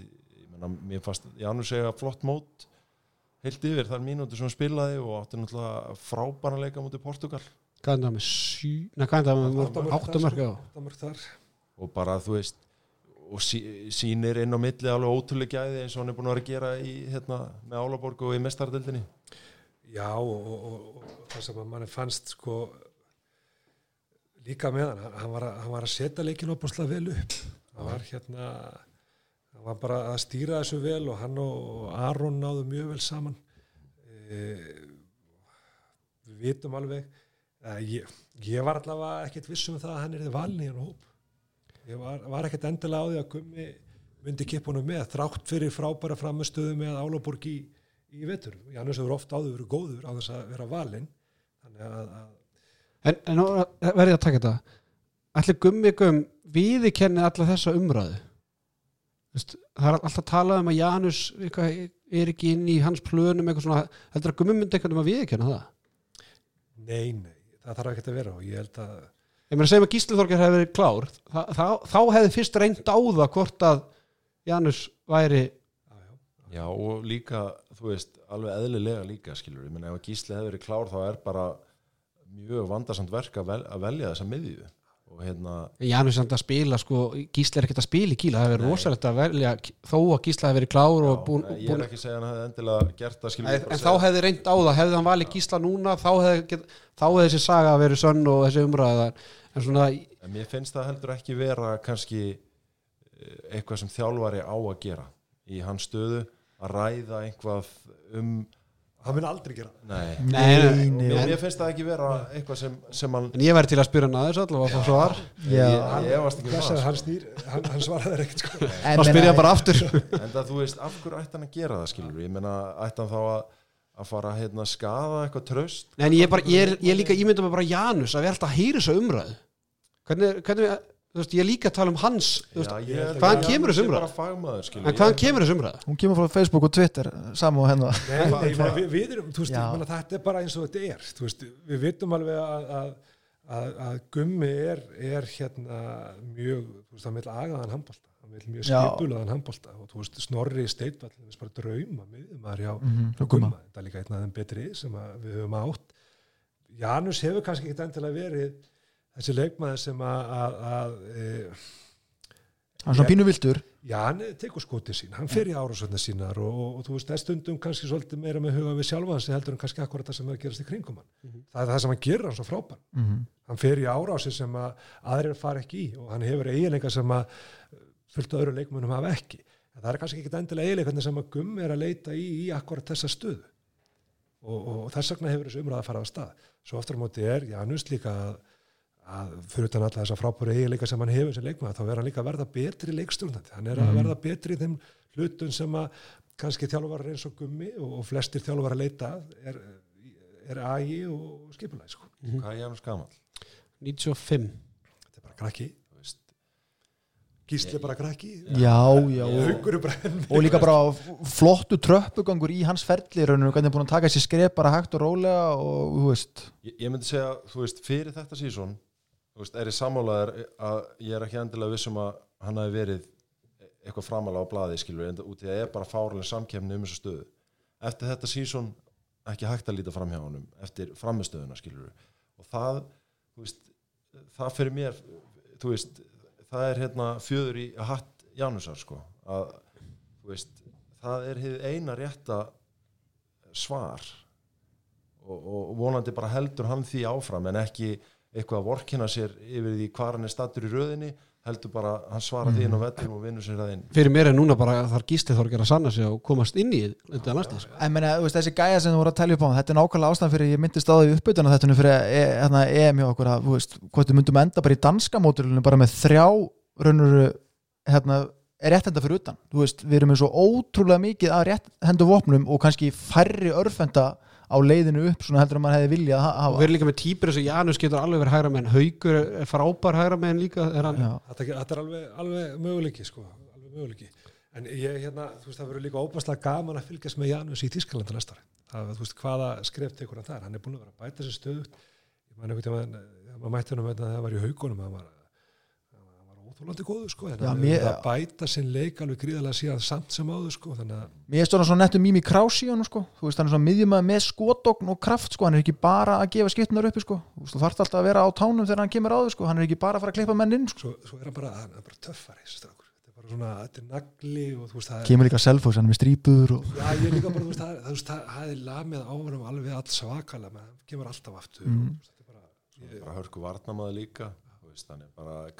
það, ég, Haugur Þrastarsson, hann spilaði ekki nema 64 mínútur. Við vitum allir að hann sé á leiðinu til Kílse og hann frábára einn nefnilegstu þurfum ekki að ræða það mikið en er 64 mínútur hefðu ekki viljað, hann alltaf meiðist hann á miðjumótinu. Fyrirfram hefðu þetta viljað að hann spila meira en alltaf þessi meðsli kannski hjálpa hann ekki til í því en, en er ekki sammálega hann hefði kannski átt að fá aðeins fleiri mínútur hann upp að móts eða hvað? Ég, maður alveg að svo aftur á móti, alveg svo vorum að tala um Janus náttúrulega var mjög sterkur. Mhm.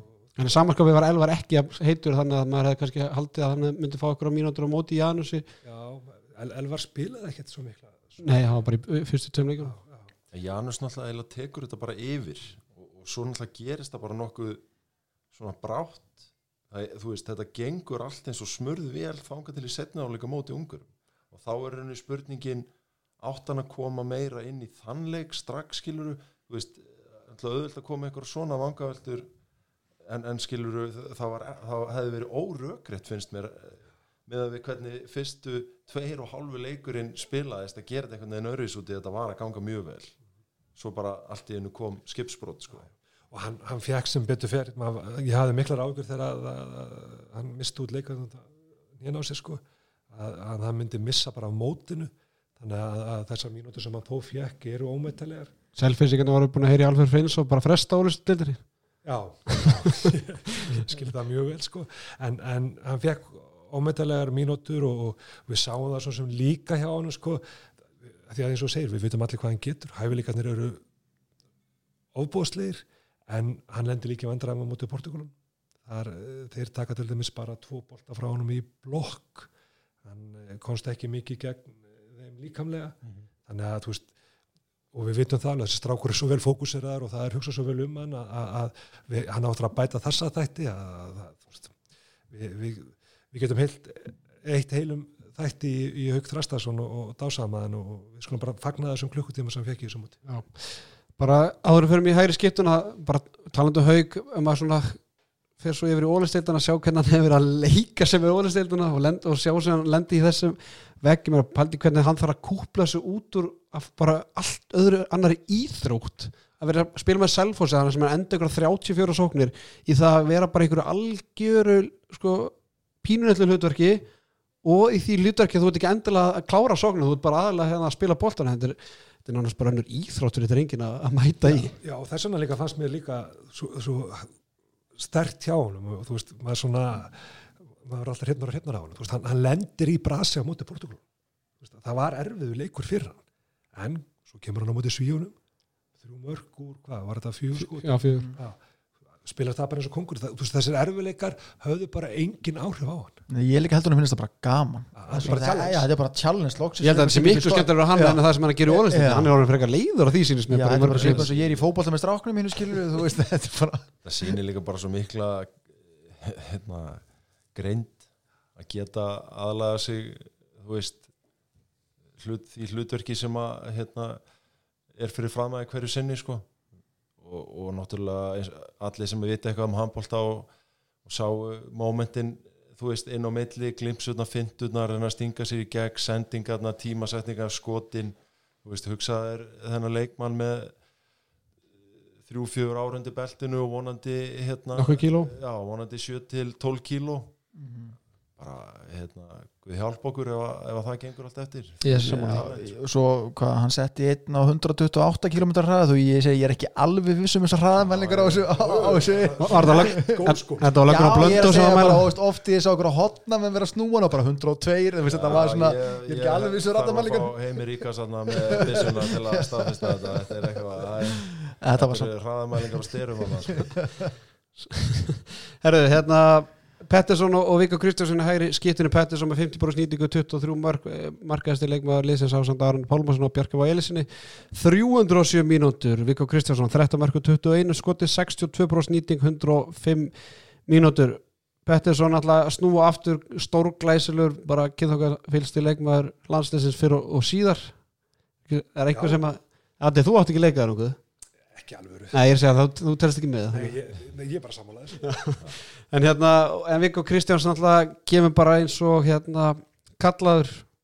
Enginn hafi síðan spilað landsleik áður fyrir, fyrir, þetta, fyrir þannan hérna, landsleikshóp og búin að vera svolítið undan ratarum búin að spila í Austuríki og við tókum hann í síma viðtal hérna og það var, eins og, það var bara ekkert mál. Ég menna það var ekkert maður þurfti ekkert að hafa samband við hérna kjarta víta og fjölmjölafjöldtrú og eitthvað svona, það var bara ekki málið og, og hérna ég, ég setti nú á Twitter og ég- það var bara hans sem margið sammálaði, bara búið til vídeo af Viggo Kristjánssoni, bara kennslumyndband hvernig að mæta bolta og reyfa sig á bolta og fyndur og ég meina getum rætt Pettersson fyrst við tala, tala um Viggo? Þarna eru sko, eru að tala um mann sem er ekki að fara þetta á stærðin eins og Harald Rankin eða Birki Benedikt deildinni. Hann er bara gjörsalega IQ ekkert ósvipa Ómari er samt einhvern veginn ekki eins Ómar. Hann er ekki í einhverjum hérna no-look sendingum. Þó, þó hann geti það var hann ekki þessu móti, það var ekkert í einhverjum miklu línuspil, þetta var bara einn og einn hann var að vinna stöðu, einn og einn og bara móti fjandi góðu vartamann eitthvað sem að Ómar er kannski meiri að sko, vinna tveir og tveir leik. Hann er kannski ekki að vinna einn og einn stöðu Ómar er jafn mikið Viggo kom bara fáralega mikið orð. Þráttur ég þekki bara nokkuð til, til hans og hann kannski, ég var ekki jafn mikið að kynast eins og margir en, en hann kom, sem, kom mér samt gríðalega óvart Já, svona surprise modsins eiginlega, sko, hans framistæða hérna og náttúrulega, þú veist því líkur unnaður að sjá hérna, Alexander aftur og því líki spretti sem hann átti á þessu móti en veist, þetta náttúrulega en þetta var svolítið mikið marathon í honum þannig að Já. sprettirnir voru hægur og hægur með hverjum leiknum hann Já, já, og eðlilega veist, en, en Viggo bara, já, bara hérna því líkt flotti taktar inn á milli og eins og ég segi, það er kannski komanir mest á óvart út af því að maður hefur kannski séð minnst á honum Var það þið veldu Pettersson leikmann mótsins? Já, þó að hafi senastu tvei leikinnar hafi kannski ekki farið alveg eins og við vildum að þá var hann samt sem aður maður mótsins og að mínum að allavega. samanlega.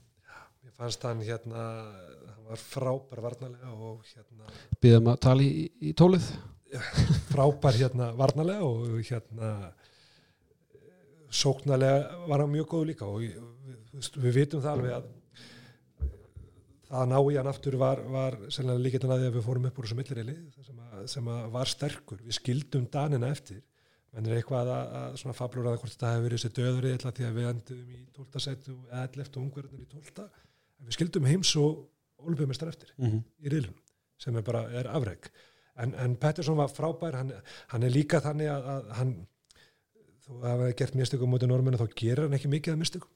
Hann er mjög klókur með boltan, hann er að losa hann ofbóstlega vel frá sér í hendunar á samirunum það er eitt sko þegar menn er að á réttu mómenti að fá boltan og það, það, það eru þeir að fá frá honum.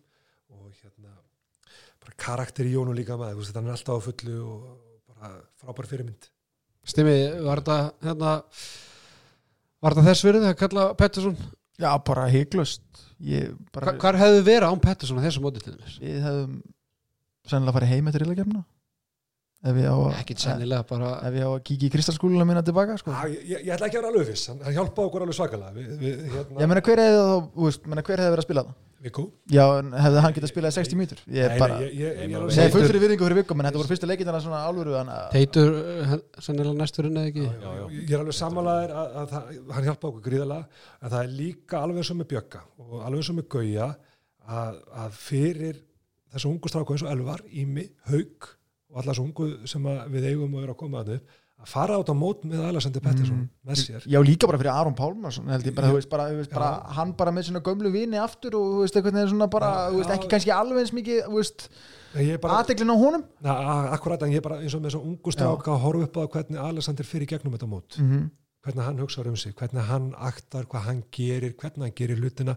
Þú veist, þeir eru að horfa á hann þeir eru að læra af honum, þeir eru með hann sem fyrirmyndan allan daginn og það, það, það við höfum eftir að þakka honum eftir 7-8 ára þegar við fáum ykkur að meta Já. lífust að, að, að þeir eru eftir að segja, heyrðu, já, Pettersson mótið sem við fórum á honum aðna 2020 ég, sáum hvernig á að gera þetta. og ég er nokkuð við sem að hann var ekki að láta Twitter og Facebook umræði færi tóðan ég held að það sé, það sé mjög slagur yfir því. Það er ásker hérna, ég gaf þér þessa spurningu áðan, ég ætla að gefa hann aftur. Bara hverju verði hægri skiptustöðun á ári?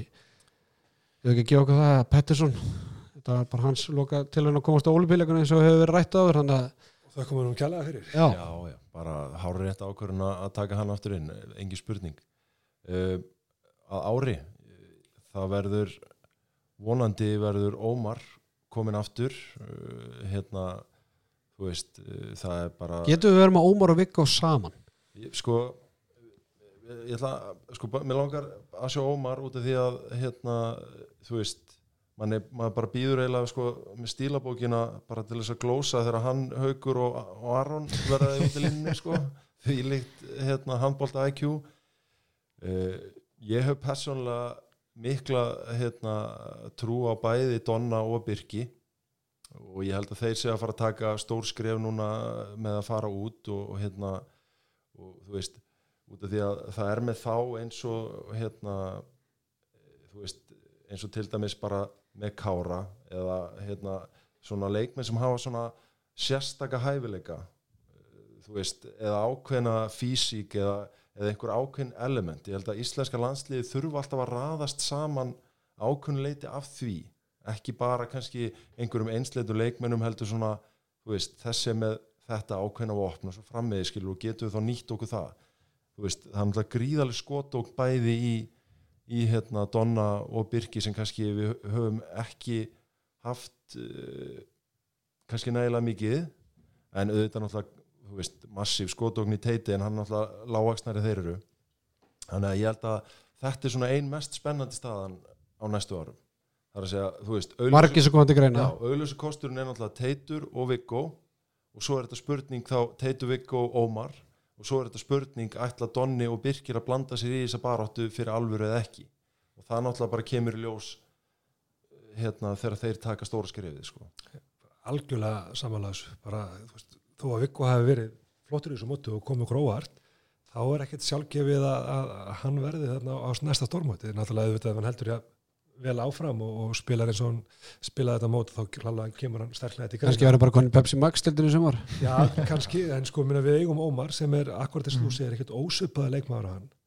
Uh, svo er Teitur svona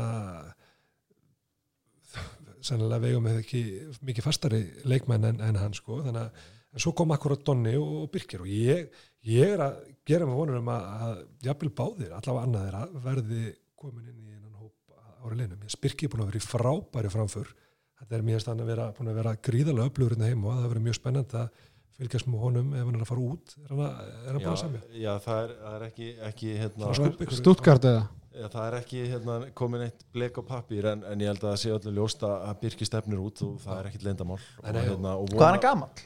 Hann er 96 mótil Vá, mér finnst hann búin að vera eitthvað svo lengi í og deildinni. þetta er skrokkur, sko, þetta er gríðalegu skrokkur og, og mikil skitta og, og svo er það Donni. Donni hefur gríðalega hæfileika. Hann Og- hefur bætt sig alveg stjartfræðilega sem hann hérna, fór í BVF mínu veit Nei, menn að sjá klippur á fjölni í ólistildinni eða hvað fyrir ekki var þetta fyrr, nei, hvað hitt Hitti fyrir það hitti fyrra.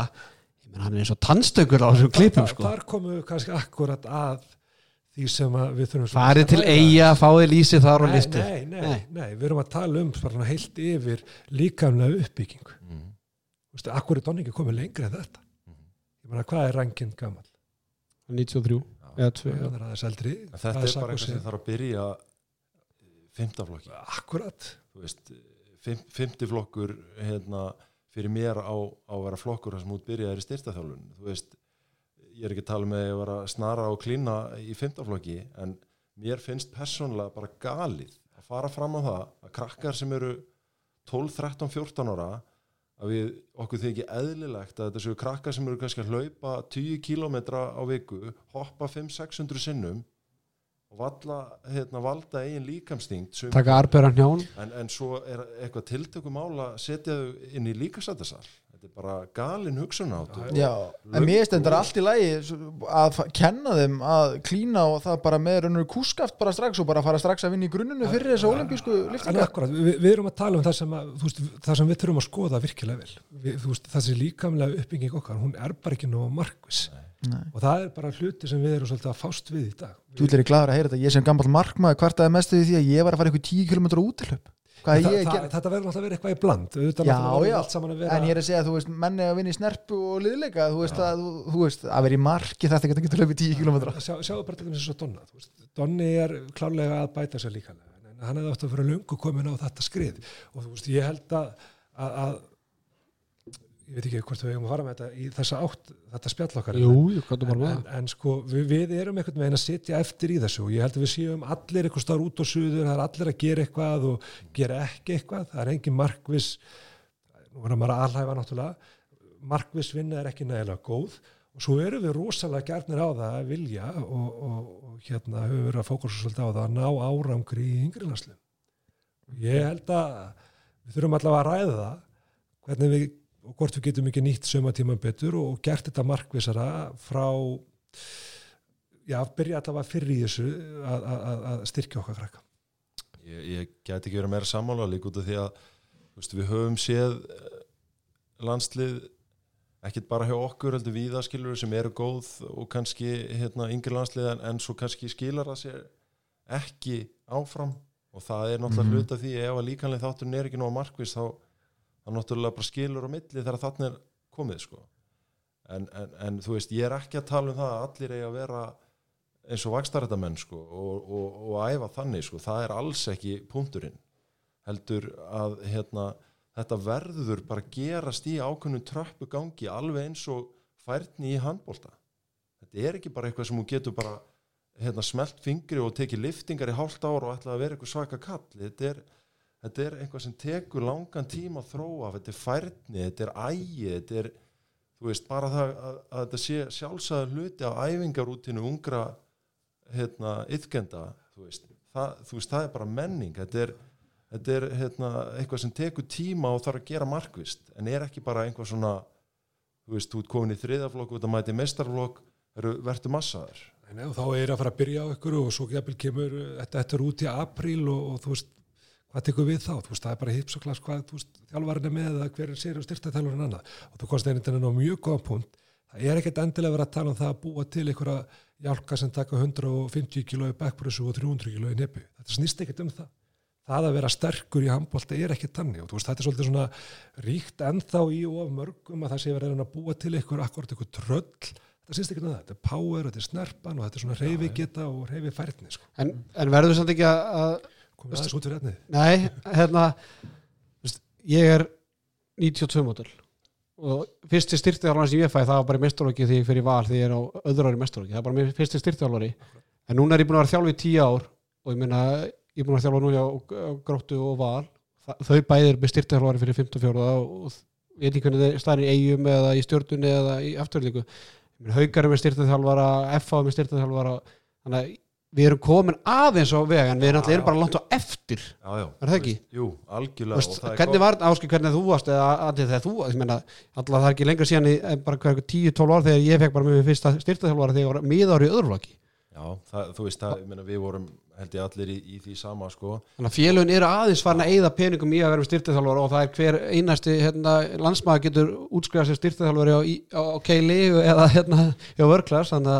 að er til að styrtaþjálfurum Já, ég meina, þú veist, ekki miskila það, er, það, það hafa núna bara svona síðustu Ég bara svo að hlustan, árum- hlustendur átti sig á því að það er samt verið að gera þetta við erum bara svo langt á eftir og erum ennþá bara á byrjunarreit í þessu. Skrefin eru hérna, það er búið að taka skrefin vissulega hérna, hjá sömu félögum og við þurfum að gera hérna, markvist eins og allir að segja og á fleiri stöðum heilt yfir og, og hérna og þú veist það er líka ótrúlega fyrir allavega aðlis og mig sem að hef og ég meni ég er ekki styrtaþjálfari að ment og ekki er í sjúkraþjálfari heldur en, en ég hef eitt ótrúlegum tíma í að hérna skoða þetta bara í mínum frítíma út af því að ég hef áhuga á þessu og ég meina ég þurfti að hætta fyrir aldur fram út af meðslum sem að eftir á að higgja ég hefði geta komið í veg fyrir og hérna og ég hef lagt rosalega mikla áherslu á fyrirbyggjandi þáttinn þegar ég er að þjálfa sjálfur hvort sem er yngri yðgöndur eða, eða eldri og, og bara það að sjá þú veist hvernig yngri yðgöndur er að hita upp fyrir leiki í dag til dæmis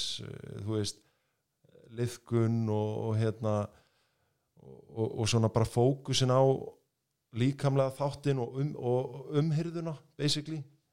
Hérna, það er mér, finnst það gríðarlega ákvæmt og maður sér það þú veist, í rauninni heilt yfir milli klúpa, þannig að hérna, það er gríðarlega ákvæmt þróun. Og líka bara út af því að, þú veist, mikilvægstu punkturinn í þessu er bara að hérna, þessi krakkar skilji það að ábyrðin auðvitað er ábyrðin hjá íþróttafélagunum en, en þú veist, þú berða ábyrð á þér sem íþróttamaður skilur og það er okkar að, að skapa þeim umhverfi til þess að vaksa og taka þessa ábyrð en, en þú veist, þe- þetta er ekki bara snýst ekki bara um styrtaþjólun það snýst um að búa til þessa menningu að, að þau skilji það að þetta er þeirra vekkferð þú veist, sköp búin til eins góða umgjörð og, og aðstæður og við, og við getum en, en þú veist líka hugafarið, menninguna það, þú veist, það, það þarf alltaf að fylgja líka.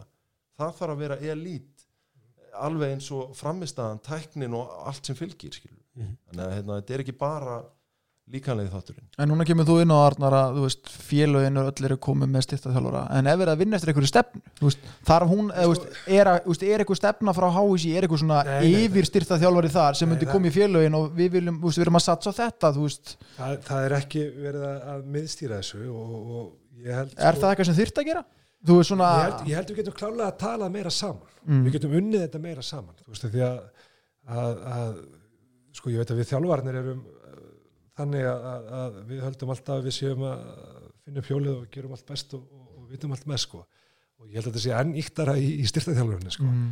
þannig að ég, ég myndi allavega þetta er, þetta er að lagast og við erum alveg farin að taka mjög stór og mikið skref í þessu og, og sömu klúbarnir er að gera þetta mjög vel en svona heilt yfir held ég að, að, að við getum gert ég held að ekki bara veit, við getum gert bara mikið mikið betur Mm. við erum að byrja fyrra á þessu og þar kannski þurfum við smá miðstyringu þar væri kannski hægt að, að taka það skref að, að, að fara nýri í fjórðaflokk eða hvar sem við viljum byrja þetta með einhvers konar miðstyringu þannig að við séum að kenna þetta rétt og séum að gera þetta allt rétt og séum að kannski að vinna þetta eftir sama mótilun í ykkur 5-6 ár. Ég, Já. Þetta er náttúrulega snýst um fjármagna miklu leiti skilur og bólmagni HSI til þess að geta þessu. En, en hérna, þú veist, ég er algjörlega sammála því að, að út af því að veist, ástæðan fyrir þetta er heldur ekki komið lengra er náttúrulega líka bara fjármagna félögunum. Það er, þú veist, eh, það náttúrulega kostar að, að auka gæðin, það kostar að, að fá inn fleira starfsfólk og allt þetta. Þannig að, veist, að það að geta sótt ykkur upplýsingar miðlagt þú veist þó, þó bara til að byrja og hafa eitthvað ramma það væri ómetanlegt held ég. Já, já, og ég, ég held sko, veist, við þurfum að sagja þetta bara í ríkið sko. ég, ég finnst þetta alveg ATFR eða? gætt verið að ég myndi þetta það í hugum en sko, þú veist, hvað voru að fá ykkur að tölu núna? Nú voru við reynda konið langt út fyrir þetta en við skulum halda þess að þess áfram. Já. að hérna er ekki voru ekki, ekki 30% að fást við einhvers konar off fyttu eða ekki vandamál í það stimmi, stimma. Voru ekki þær tölur að byrtast í vikunni? Eitthvað svoleiðis og svo bara, þú veist síkusíki og aðri lífstíl sjúkdómar sem sko. Svo er það svo helviti spilt líka. Það líka. Nei, nei, þú veist, við erum í vandamálum þú veist, eh, í heilbyrðiskerfinu og það vantar fjármagnin í heilbyrðiskerfinu. Ég var til að sjá eitthvað þessum peningum uh, fara í einhverja fyrirbyggjandi aðgerðir og hvar er hver eru betur til þess fallin heldur en íþjóttareiningin Mhm. dæmis. Ég var til að, að, að, að til dæmis, tökum háið síðan dæmi, fengi eitthvað rannsóknarstyrk til þess að, að fara í þessa hluti og, og, og jafnvel vinna einhverja rannsókn í fimm ár.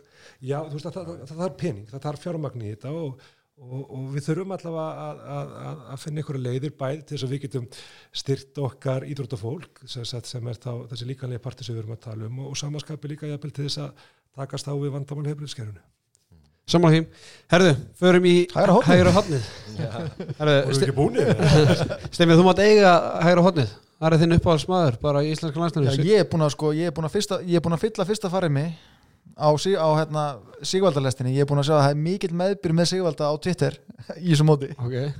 Er að vinna með eitthvað hashtag eða? ha. Nei, jó, við, við erum endur eftir að setjast niður markastöldin og hérna búa til eitthvað en eins og ég svona, svona öllu grínis leftu þá er ég búin að hafa mikla mætur á þessum dreng svona sístu tvö ár, bara mér er stann frábær. En viltu kannski ekki fara yfir statsi fyrir Arnar fyrir Þór, Gunnarsson var með 12 mörgur 18 skotum 67% nýting.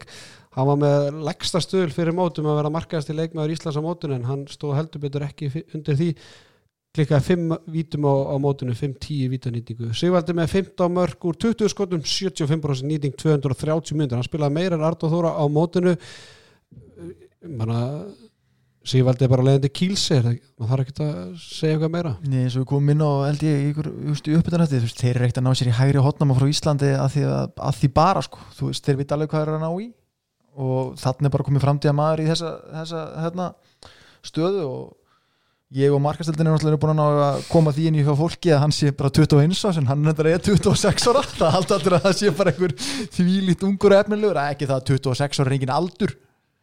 Hann getur alveg verið það næstu 10 árin bara, bara veist, 15 já, já, bara skoteknin bara stökkrafturinn, snerpan bara, þú veist, mér finnst hann bara mér finnst hann geggjaður.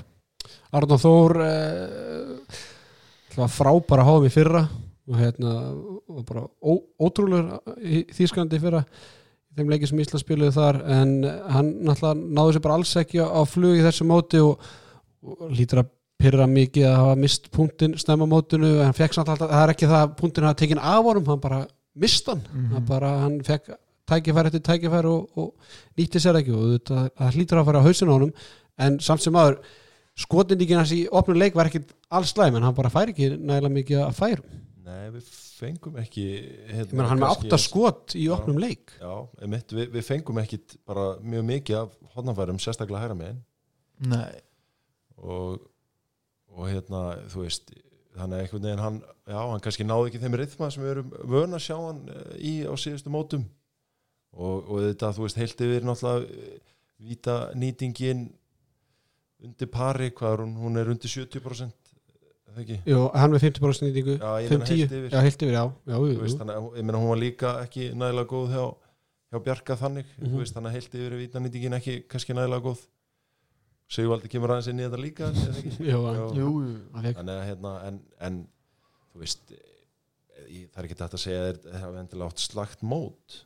Nei, bara fengu, já, ég meina Sigvaldi bara með 75% nýtingu, getur ekki hvart undir því og Arnór Þór skorar úr sem hérna sjö skotum af, af hérna já, ég menn hann átti var það í svíþjóðleiknum þar sem hann eða Norrisleiknum, var ekki svíþjóðleiknum þar sem hann fór inn og klúraði tvisvar eða þrisvar Hann klúraði víti og svo fór hann inn bara í sókninu eftir og setja hann framjá líka Þetta var, eitthvað Já, mjög, já, þetta var já. mjög ólíkt honum að- gegn, gegn En- en svíum þú í veist, gerð sko. að því sögðu skilur þá var hann stórkostluðu varnalega í fyrstu Mhm. hvað, tveimur leikjónum að vistakusti Mér fannst það nefnilega sko, mér fannst hann vera nefnilega að skila varnarhildurikinu mjög, þetta lenda hann í ákveðnu vandræðum hérna en, en, en hann er allavega með þrjá, fjóra eða ekki fimm ruðninga sem hann er í. Já. sérstaklega í danaleiknum alveg ótrúlega hérna, mikilvæg moment. Já, að það er bara, það er bara framtíð, hann á ykkur ár eftir sko, þannig að, að við hérna, við hérna, höfum ekkert, ég hef ekkert miklar áhyggjur af þessu hodni, svo náttúrulega Sigvaldi þarna og svo eigum við, eigum við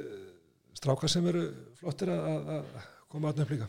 Óðinn Ríkars. Já, hann var að skipta um félagi ekki? Jú, eða svona, ég held að sé jú, frágengið. Já, hann var að skipta um félagi í, í Danmarku en, var ekki komast, jú, komast að fest. Var að komast að já, fest, já. Já, það er holstu brá Holstebro. já. Herru, þá er það bara línumann stað við erum alltaf búin að ræða ími hans framistöðu í, í vartanlega þannig að við þurfum ekki að hafa mörg orð um hann. Bara frábær. Kári Kristján með 15 mörg úr 18 skotum uh, reyndar eitt af þessum klikki ef að gripið þá var svona heldur fúlt.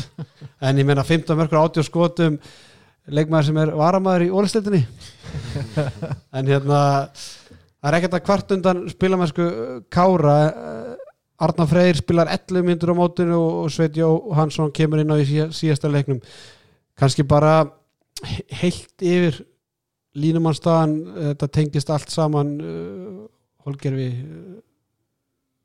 hvað er við erum stannir í línumannastöðinu þegar við þurfum að kalla Kára aftur inn að, að þessu ungu þeir eru bara ekki að býta á agnið? Nei, ég meina að þurfa að kalla Kári inn, mér veist bara Kári hérna, hann var var dottun úr þessu. Já, hann var það en, en þú veist, hann alltaf kannski þú veist gekk í gegnum bara hérna, ákveðna hluti þú veist, persónlega var að hérna, jafna sig bara eftir veikindi og svona eins og hann hefur sagt frá sjálfur og svo þegar hann jafnaði sig á því og náði sér í hérna sín góðu og frægu kíló tilbaka þá náttúrulega bara var hann eh, kominn tilbaka og hann er náttúrulega þú veist, mér finnst mjög röggrétt að velja hann, það síndi sig á þessu móti út af því að eins og ég var að nefna með svona á, ákveðin, ákveðin element hjá leikmönnum þú veist, hann hefur það við eigum ekki annan 130 kíló línumann sko og, og það, það breytir því hvernig varnir spila þegar hann er inn á versus einhver annar línumæður. Svo líka finnst mér hann vera með mesta IQ-ið bara í að grípa allar þessar sendingar sem hann getur fengið frá þessum hrikalega öflugu leikmönnum fyrir utan sko, því hinn er náttúrulega kannski ekki alveg komin svona langt í sinni þróun sem línumenn Nei, hann kannski líka Kári vinnur öðruvísi heldur en hinn gera. Hann er hérna gamli skólin hann, hann stígur öðruvísi e, upp e, þú veist, hann, hann fylgir varnamönnum upp. Hann er ekki hrættur um að taka slægin, hann er ekki þú veist að reyna að lúra og, og býða sko, hann, hann nýtir hérna sína físik en auðvitað náttúrulega hefði maður vilja sjá meira frá öðrum línumannum á mótinu en, en Kári náttúrulega líka bara spilaði nánast allt móti Arnar, ég ætla að grípa fram fyrir þér. Ég ætla að koma með aðra spurningu sem þú býst ekki við en bara hvernig er að fara að leysa línumannstöðuna á næstu árum? Kári á einhver ár, þú vilt örgulega sjá hann í landsliðinu áfram en hvernig er, er ellið í næstunum hann, ég meina, hann er ennþá bara skilur með mun lendi vandröðum með styrk. Já, sko, ég, ég hérna ég hef engar ákveður af ellið ellið á eftir að að styrkast og það er, það er mjög stert í honum þó hann sé ekki þungur en en, en sko, við erum með sveinana og maður auðvitað vonar að mér finnst svein líta mjög vel út líkamlega, hann er hérna greinlega búin að vera duglegur í, í þeim þátt þætti hann er með prógram frá Pónsunni er ég meina hann er bara stikki hann er bara stykki og stór og sterkur strákur og þú veist, maður sér að fótafinnan er að koma þannig að bæði vörn, varnarlega og sóknarlega ætti hann að geta nýst okkur. Og svo er ég, þú veist, ég er ekkert búin að gefa Arna fyrir eitthvað upp á bátinu ég er bara vona að þetta verði til þess að, að, að hann svona sparkaði hans í raskætti á sjálfum sér. Mér finnst hann bara ekki búin að taka framförum í nokkur ár. Mér finnst hann bara búin að vera svipar og þegar hann fór frá fram hérna fyrir fjórum-fimm árum síðan það finnst mér svo sorglegt að því að hann hafði svo mikið potensial í að vera bara flottu þá.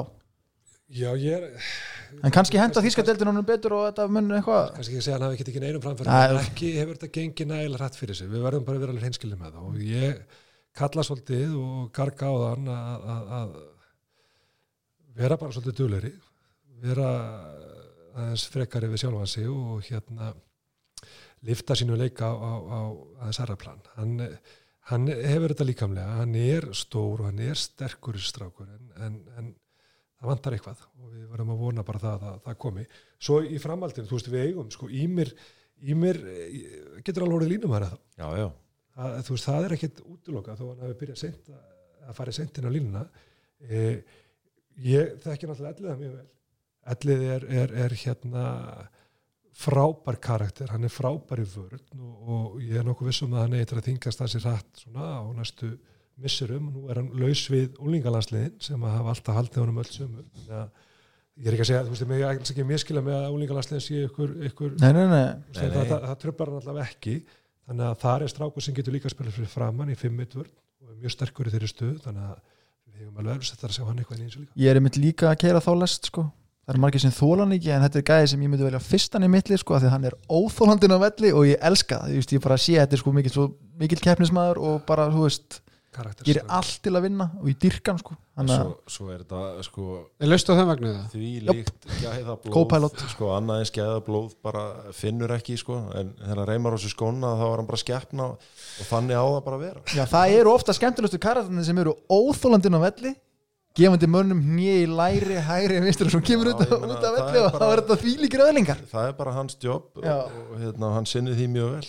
Já, en við, við hérna þú veist, þetta náttúrulega sáum við svo ungverina með einhverja durga þarna sem að sem að hérna, við kannski sjáum ekki alveg í okkur en, en það eru hellingsgæði í þessu stráku sem við erum búin að vera að telja upp og ég ætla ekki að hafa neitt ofmiklar stuð Nei, mér langar bara í línumann sem getur leist varnarhlutverkið sem við þurfum ekki alltaf að vera í þessari skiptingu. Það væri draumur, þú veist, ég veit að það er eins og sem enginn að fara að spila 60 mínútu þrist í vörn og svo inn á línu en allan að geta haft á option Já, já, þá, erum við búin að telja upp Ími, við erum að tala um Svein, við erum að tala um Arnar, um Elliða, mm -hmm.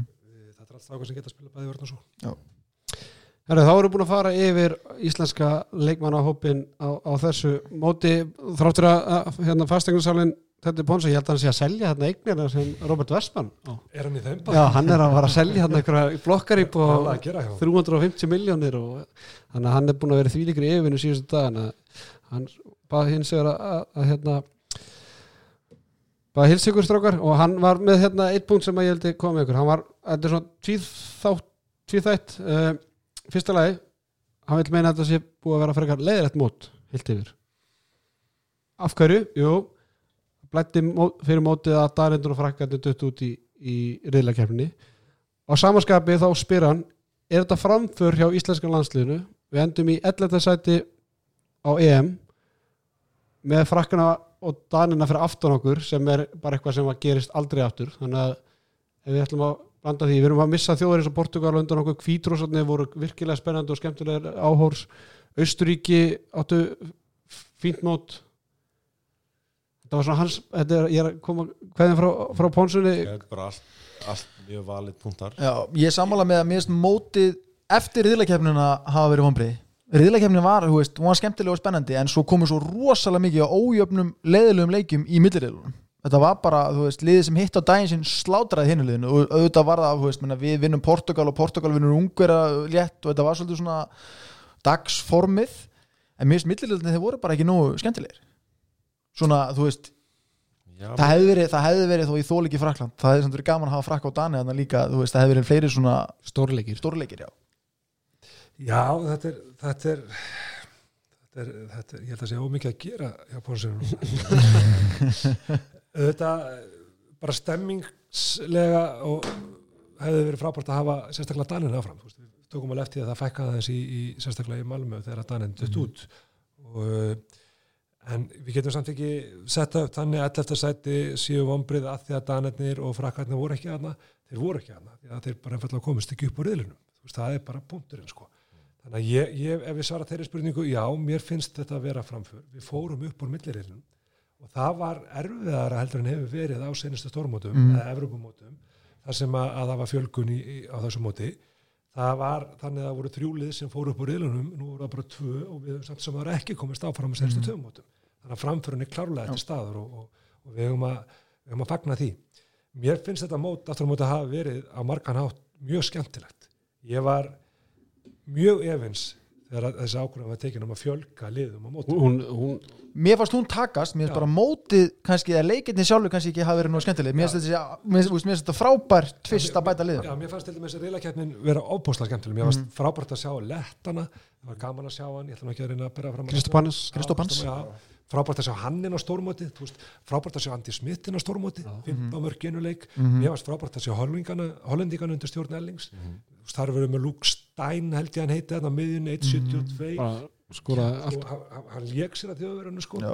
og, og hérna margt svona skemmt þeirra leik þannig að við vorum að sjá mörg lið sem við höfum ekki verið að sjá á sjá færingarna eftir 4-5 ár ég, sex. ég meina með við uppbygginguna af þeim Já. þá bara þeir konur hann inn Já, mér finnst líka skemmtilegt að eins og við gerum nú grínað með nákvæmna þjóðarna sem heldur mótið, þú veist, bara flott að því að Austuríki gætt á kofera raun og veru Sinni Austur-Evrópuna skilur, hann varstu með Serbi, veist, með bara, Austur-Evrópu riðil, sko, hann að, þú veist, við finnum ekkert fyrir þessu, það, veist, að mér- þessi Nei, mér fannst mótið þar alveg skemmtilegt, millireilin, sérstaklega öðrum megin, mm. spáverðarnir og, og hérna Króatin, ég fengur þetta frábæra leik Króati. Það er sannlega besti leiku bara sem ég sé í mörgu ár, sko, utan þá var sá riðull tættur sko, en mótið flott við í alltaf flugum náttúrulega gríðalega hátt eftir dana leikin og ætluðum okkur eitthvað lengra.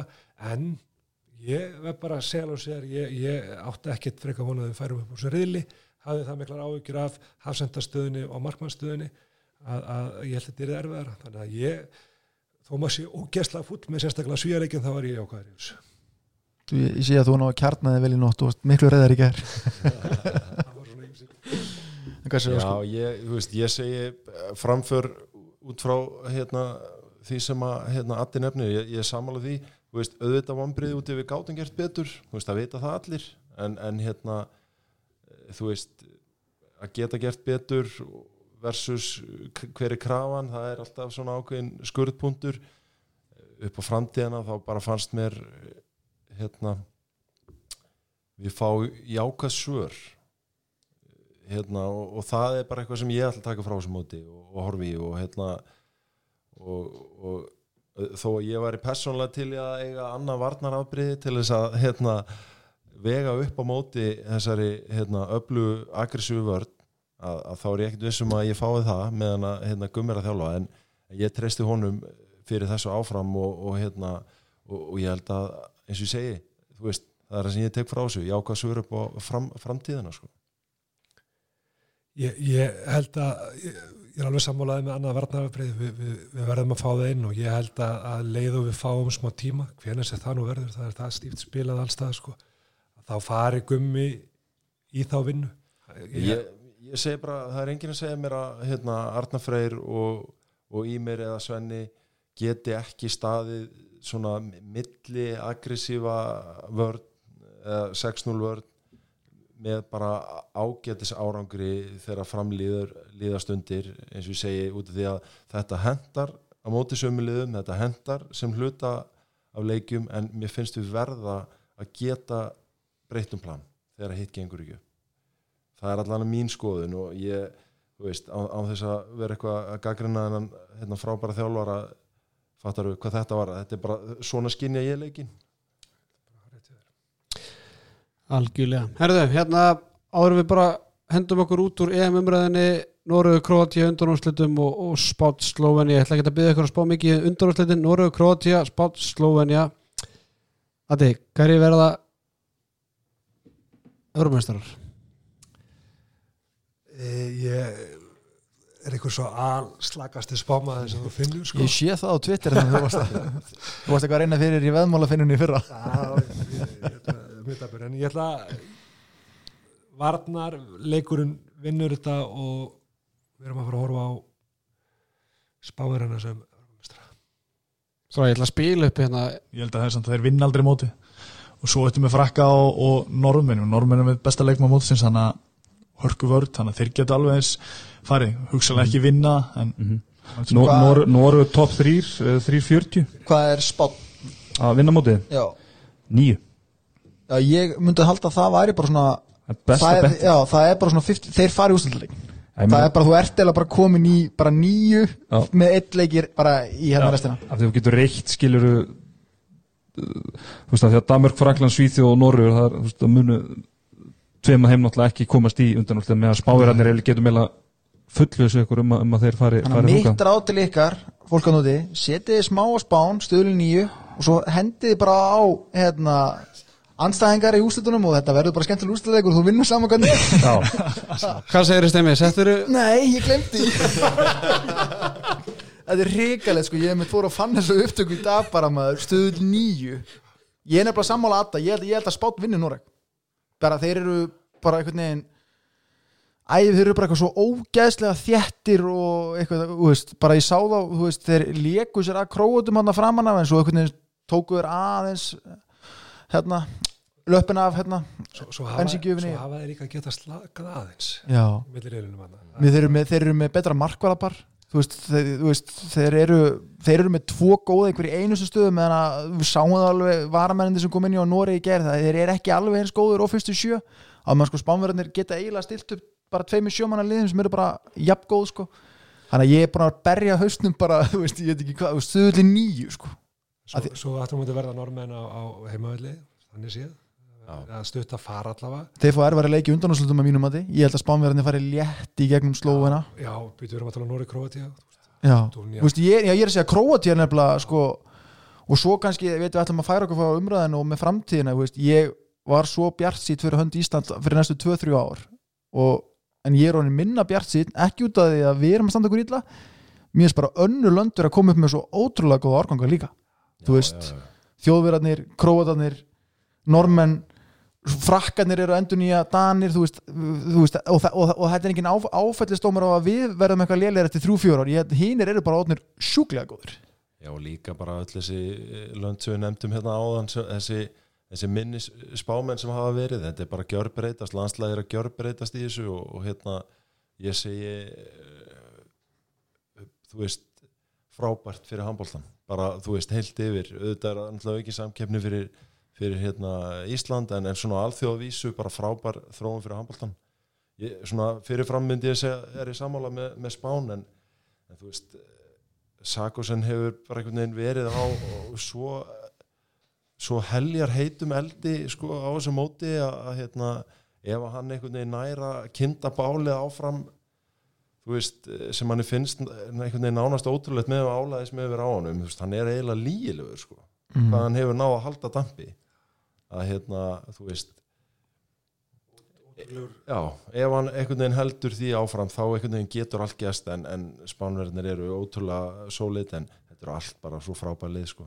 En það verður virkilega spennandi að sjá einmitt Sakusen og, Nóri á móti króti sko. Mhm. sko.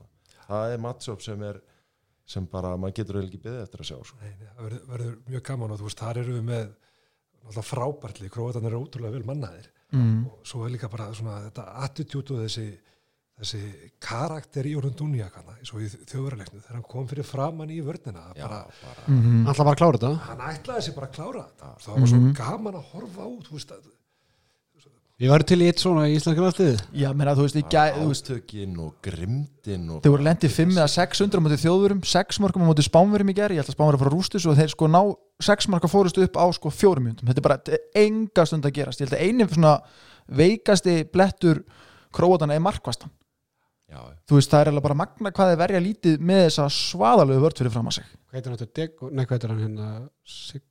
Seko, en þú veist var, var Sindrits að sp- að spila? Nei, hann var nefnilega ekki að spila. Já, já, en ég og það gæti hafa farið nokkrar evrur á Spánverja. þá, þá var bara Dúniak að spila vörnina og, og setnibilgjuna sko, þú veist. Það er ótrúlega að geta leitt sér það sko. Herðu strákar, ég hérna ég held að EM umræðan hjá okkur sé bara lokið, ég held að við erum að tala í, Tvo klukkutíma. tæpa tvo klukkutíma. Ég var aðeins að vera að vinna með inn í hérna DJ-hotnið í handkastunum og ég held að þetta sé besta svona handbolta pepp lag svona sem þú færði í höll.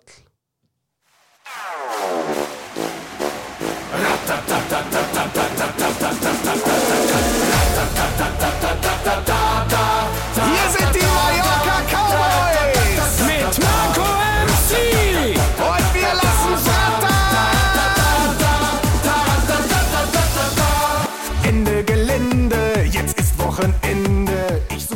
það kemur ekki óvart að þetta komi frá, frá Þískalandi Áskir, hvernig fannst þér þetta? þetta er náttúrulega unnaður en hérna ég ég fór hérna Býta eins, býta eins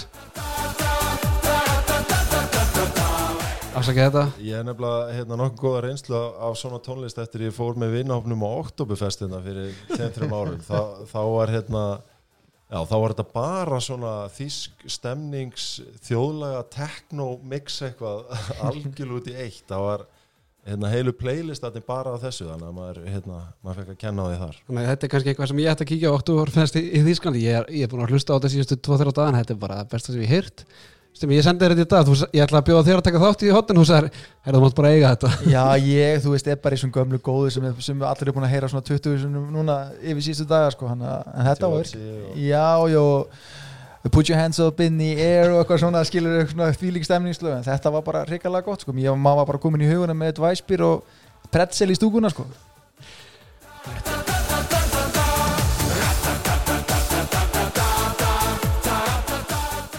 Þetta var ekki komið svona langt að þetta þegar þú varst að spila? Nei, ég, ég er líka svona meira í lífið er indislegt og eitthvað svona. Og myndir. Þetta þetta er á mikið fyrir mig Var ekki myndir alltaf á playlistanum þegar þú varst að spila?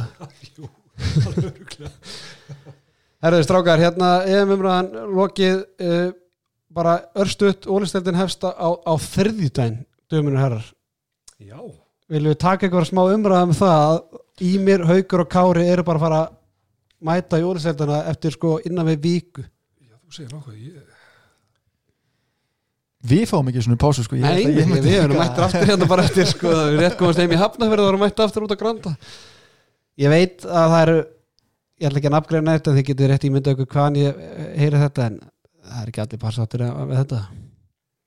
Þetta er, þetta er mjög erfitt eh, vonandi hérna. Já, þetta er, þetta er gríðalegt eh, álag og líka bara að þeir hefur farið lengra sko, þá er þetta eiginlega já, þetta er allan fyrir en verið hefur að, að, að við erum líka konir inn í 28. janúar sko. Já, móti er, er nánast að, þú veist, var HSI bara búið að ákveða það að við færum ekki lengra eða?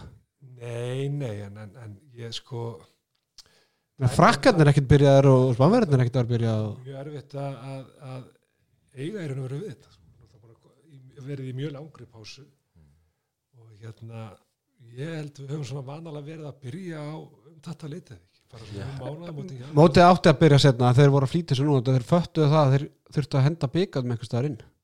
Ég held sko Mótið átti að byrja um helgina. Já, við höfum vanlega byrjað svona viku Já, seinna. einni viku setna Já. á sunnundeginum eftir. Og, og þú veist eins og núna er úrslita keppnin alveg þó nokkuð, hún er alveg einni tveimu viku fyrr en hún var í fyrra. Alltaf kom pása síðast og núna mun röglega koma landslýspása í miðri úrslitakefni já, þannig að hún byrja fyrr en já, það er náttúrulega bara gríðalegt ála að sp- að spila með landsliði og, og, hérna, og mæta svo beint í mót hvað sem er á Íslandi eða, eða annar staðar. Það er íbjöð valur í fyrstu umferð þannig að Kára og Ýmir fá bara báðið frí. Það eru tekið munlegt samkomulega um, um það. Herðu, allavega við verðum mættir hérna í handkastinu næstkomandi þriðjöldaskvöld ég held að er ekki rétt með að fyrir heil umferð fram á, á þriðjöldaginn Jú, Þetta er fram, já. jú, Þannig að þetta er En ég veit að allir, en ég svo sem veit að allir hinni leikmennir eru hæst ána að fara að geta að fara að spila alveg leiki sko. Það er IRK, IBF Valur, HK, Selfoss, Fjölnir, Stjarnan og Haukar fram afturhalding FH. En hvað er fréttur eigum? Ég er að heyra það Sigurbergur og einhverju sé að skriða saman En Alltaf, alltaf gerast. það ekki, verði ekki allir klárir en að spáum þeim og rætast í, í vor Já, Já, já, það, það er hérna, það er einhver tími í, í já, það er líka það er líka einhver tími í úslutakefnina En þú eru klár í stúkunni, það er klárt. Já, já. Herðu, við minnum uh, hlustendur á það að, að stöðlandir þeir fara að detta inn á, á kúlbett mér sýnist að einhvers að vera tveiri leiki konurinn á kúlbett núna en það er endur ekkit smáleiki. Það er IBF Valur og, og IR Káa. Addi, setur eitthvað á stöðlinn 2,37 á IBF heima á móti vali í fyrstum fyrir eftir því jólapásu? Alveg, alveg til í það. Ég held að sé 1.15 að það veri frestað út af appi sem ykkur við Já, það er hægt að setja eitthvað á það held ég líka. Valur er með stöðlinn 1.83 og síðan er IR Káa eh, 1.45 á IR og, og 3.50 á Káa, það verður fróðlegt að sjá hvernig liðin mæta til leiks ásker þið eru búin að vera að taka einhver æfingarleiki og, og, og hérna í, í Mósinsbænum ég, ég sá að Tumi Steinn var á, á reynslu í Svíðu og Ásker Snær Vignarsson sk- skiptið á val og voru þeir ekki á Kristjánstad Jú. Já, þeir, voru aðeins að, að hérna, máta sig þar og, og hérna og eru núna veðuteftir eins og allt íslenska landslið komast ekki heim. Það er, hérna, en já, bara hérna, ungir og, og, og efnilegi strákar og frábært er það að fá tækifæri til að máta sig aðeins þar Mhm. og þetta er náttúrulega bara spenntir að, að hérna að byrja deildina, þetta er búið að vera löng pása og, þetta er alltaf svona eins og komast á staðilega á haustin bara að byrja aftur í januar en núna náttúrulega gengur í hönd uh, skemmtilegasta tímabili það er hérna þetta byggarinn og svo úslita keppni Prísísoni fyrir úsliðkennuna Já, núna er hérna núna er rjóminn framundan og það er bara geggjað Það er líka hérna, ég sá að vera að draga í byggarnum í dag og það er, það er spilað 7. februar.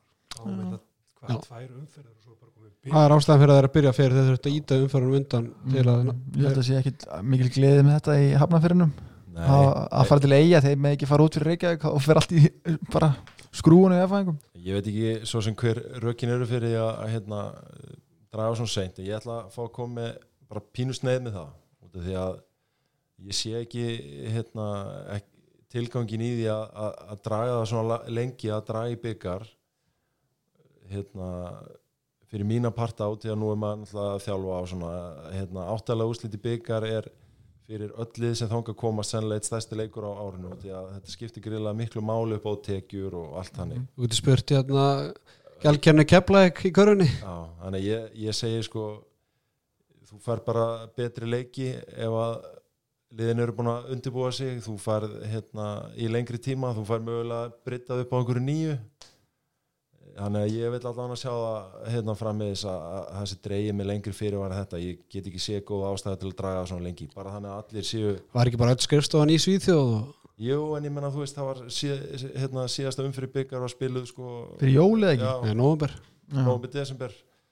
Þannig að hérna, þetta má allt liggja fyrir miklu fyrr en, en að sjálfsög stórmót nóg að gera þessum mönnum, það er ekki það Hald- Heldur betur, ég treysti því að ATP fari upp á skrifstof á morgun og, og, og skili kveðið frá ásker og kannski taki með sér Bakkelsið eða svo Bakkelsi þetta er vinsaleg ábending Já, já, það fylgdi svo má ínabröð með þessari kveðið ásker ég veit allt um það Herðu, hérna, ég held að sé ekki meira í bílu við erum að detti í tvo tímana Shit. Addi, veistu hvernig kemst til eiga á nýja leika það?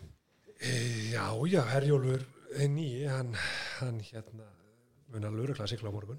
Trú ekki öðru þetta er, bara blíða á er morgun fyrir afar vel með mann og, og hérna, ég hlakka til að fara hérna á morgun.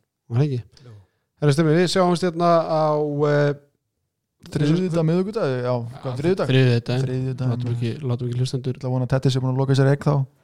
Nei, sennilega ekki, hann verður að seljandi eigni bara fram að, fram að sumar ef, ef ég þekki hann rétt. Herðu, við bara þökkum ykkur kærlega fyrir komuna Arnar Pétursson og Ásker Jónsson. Alltaf, alltaf hjertalega velkomnir hingað í Svæp stúdióið Stemmi, við Sjáumst bara.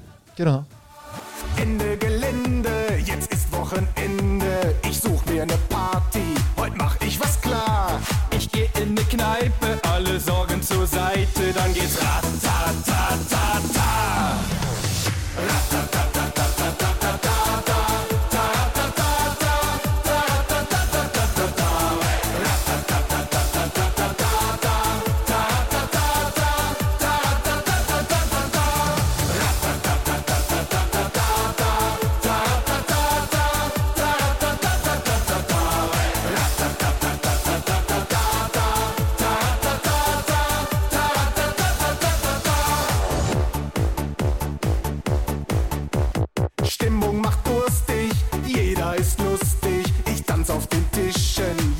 en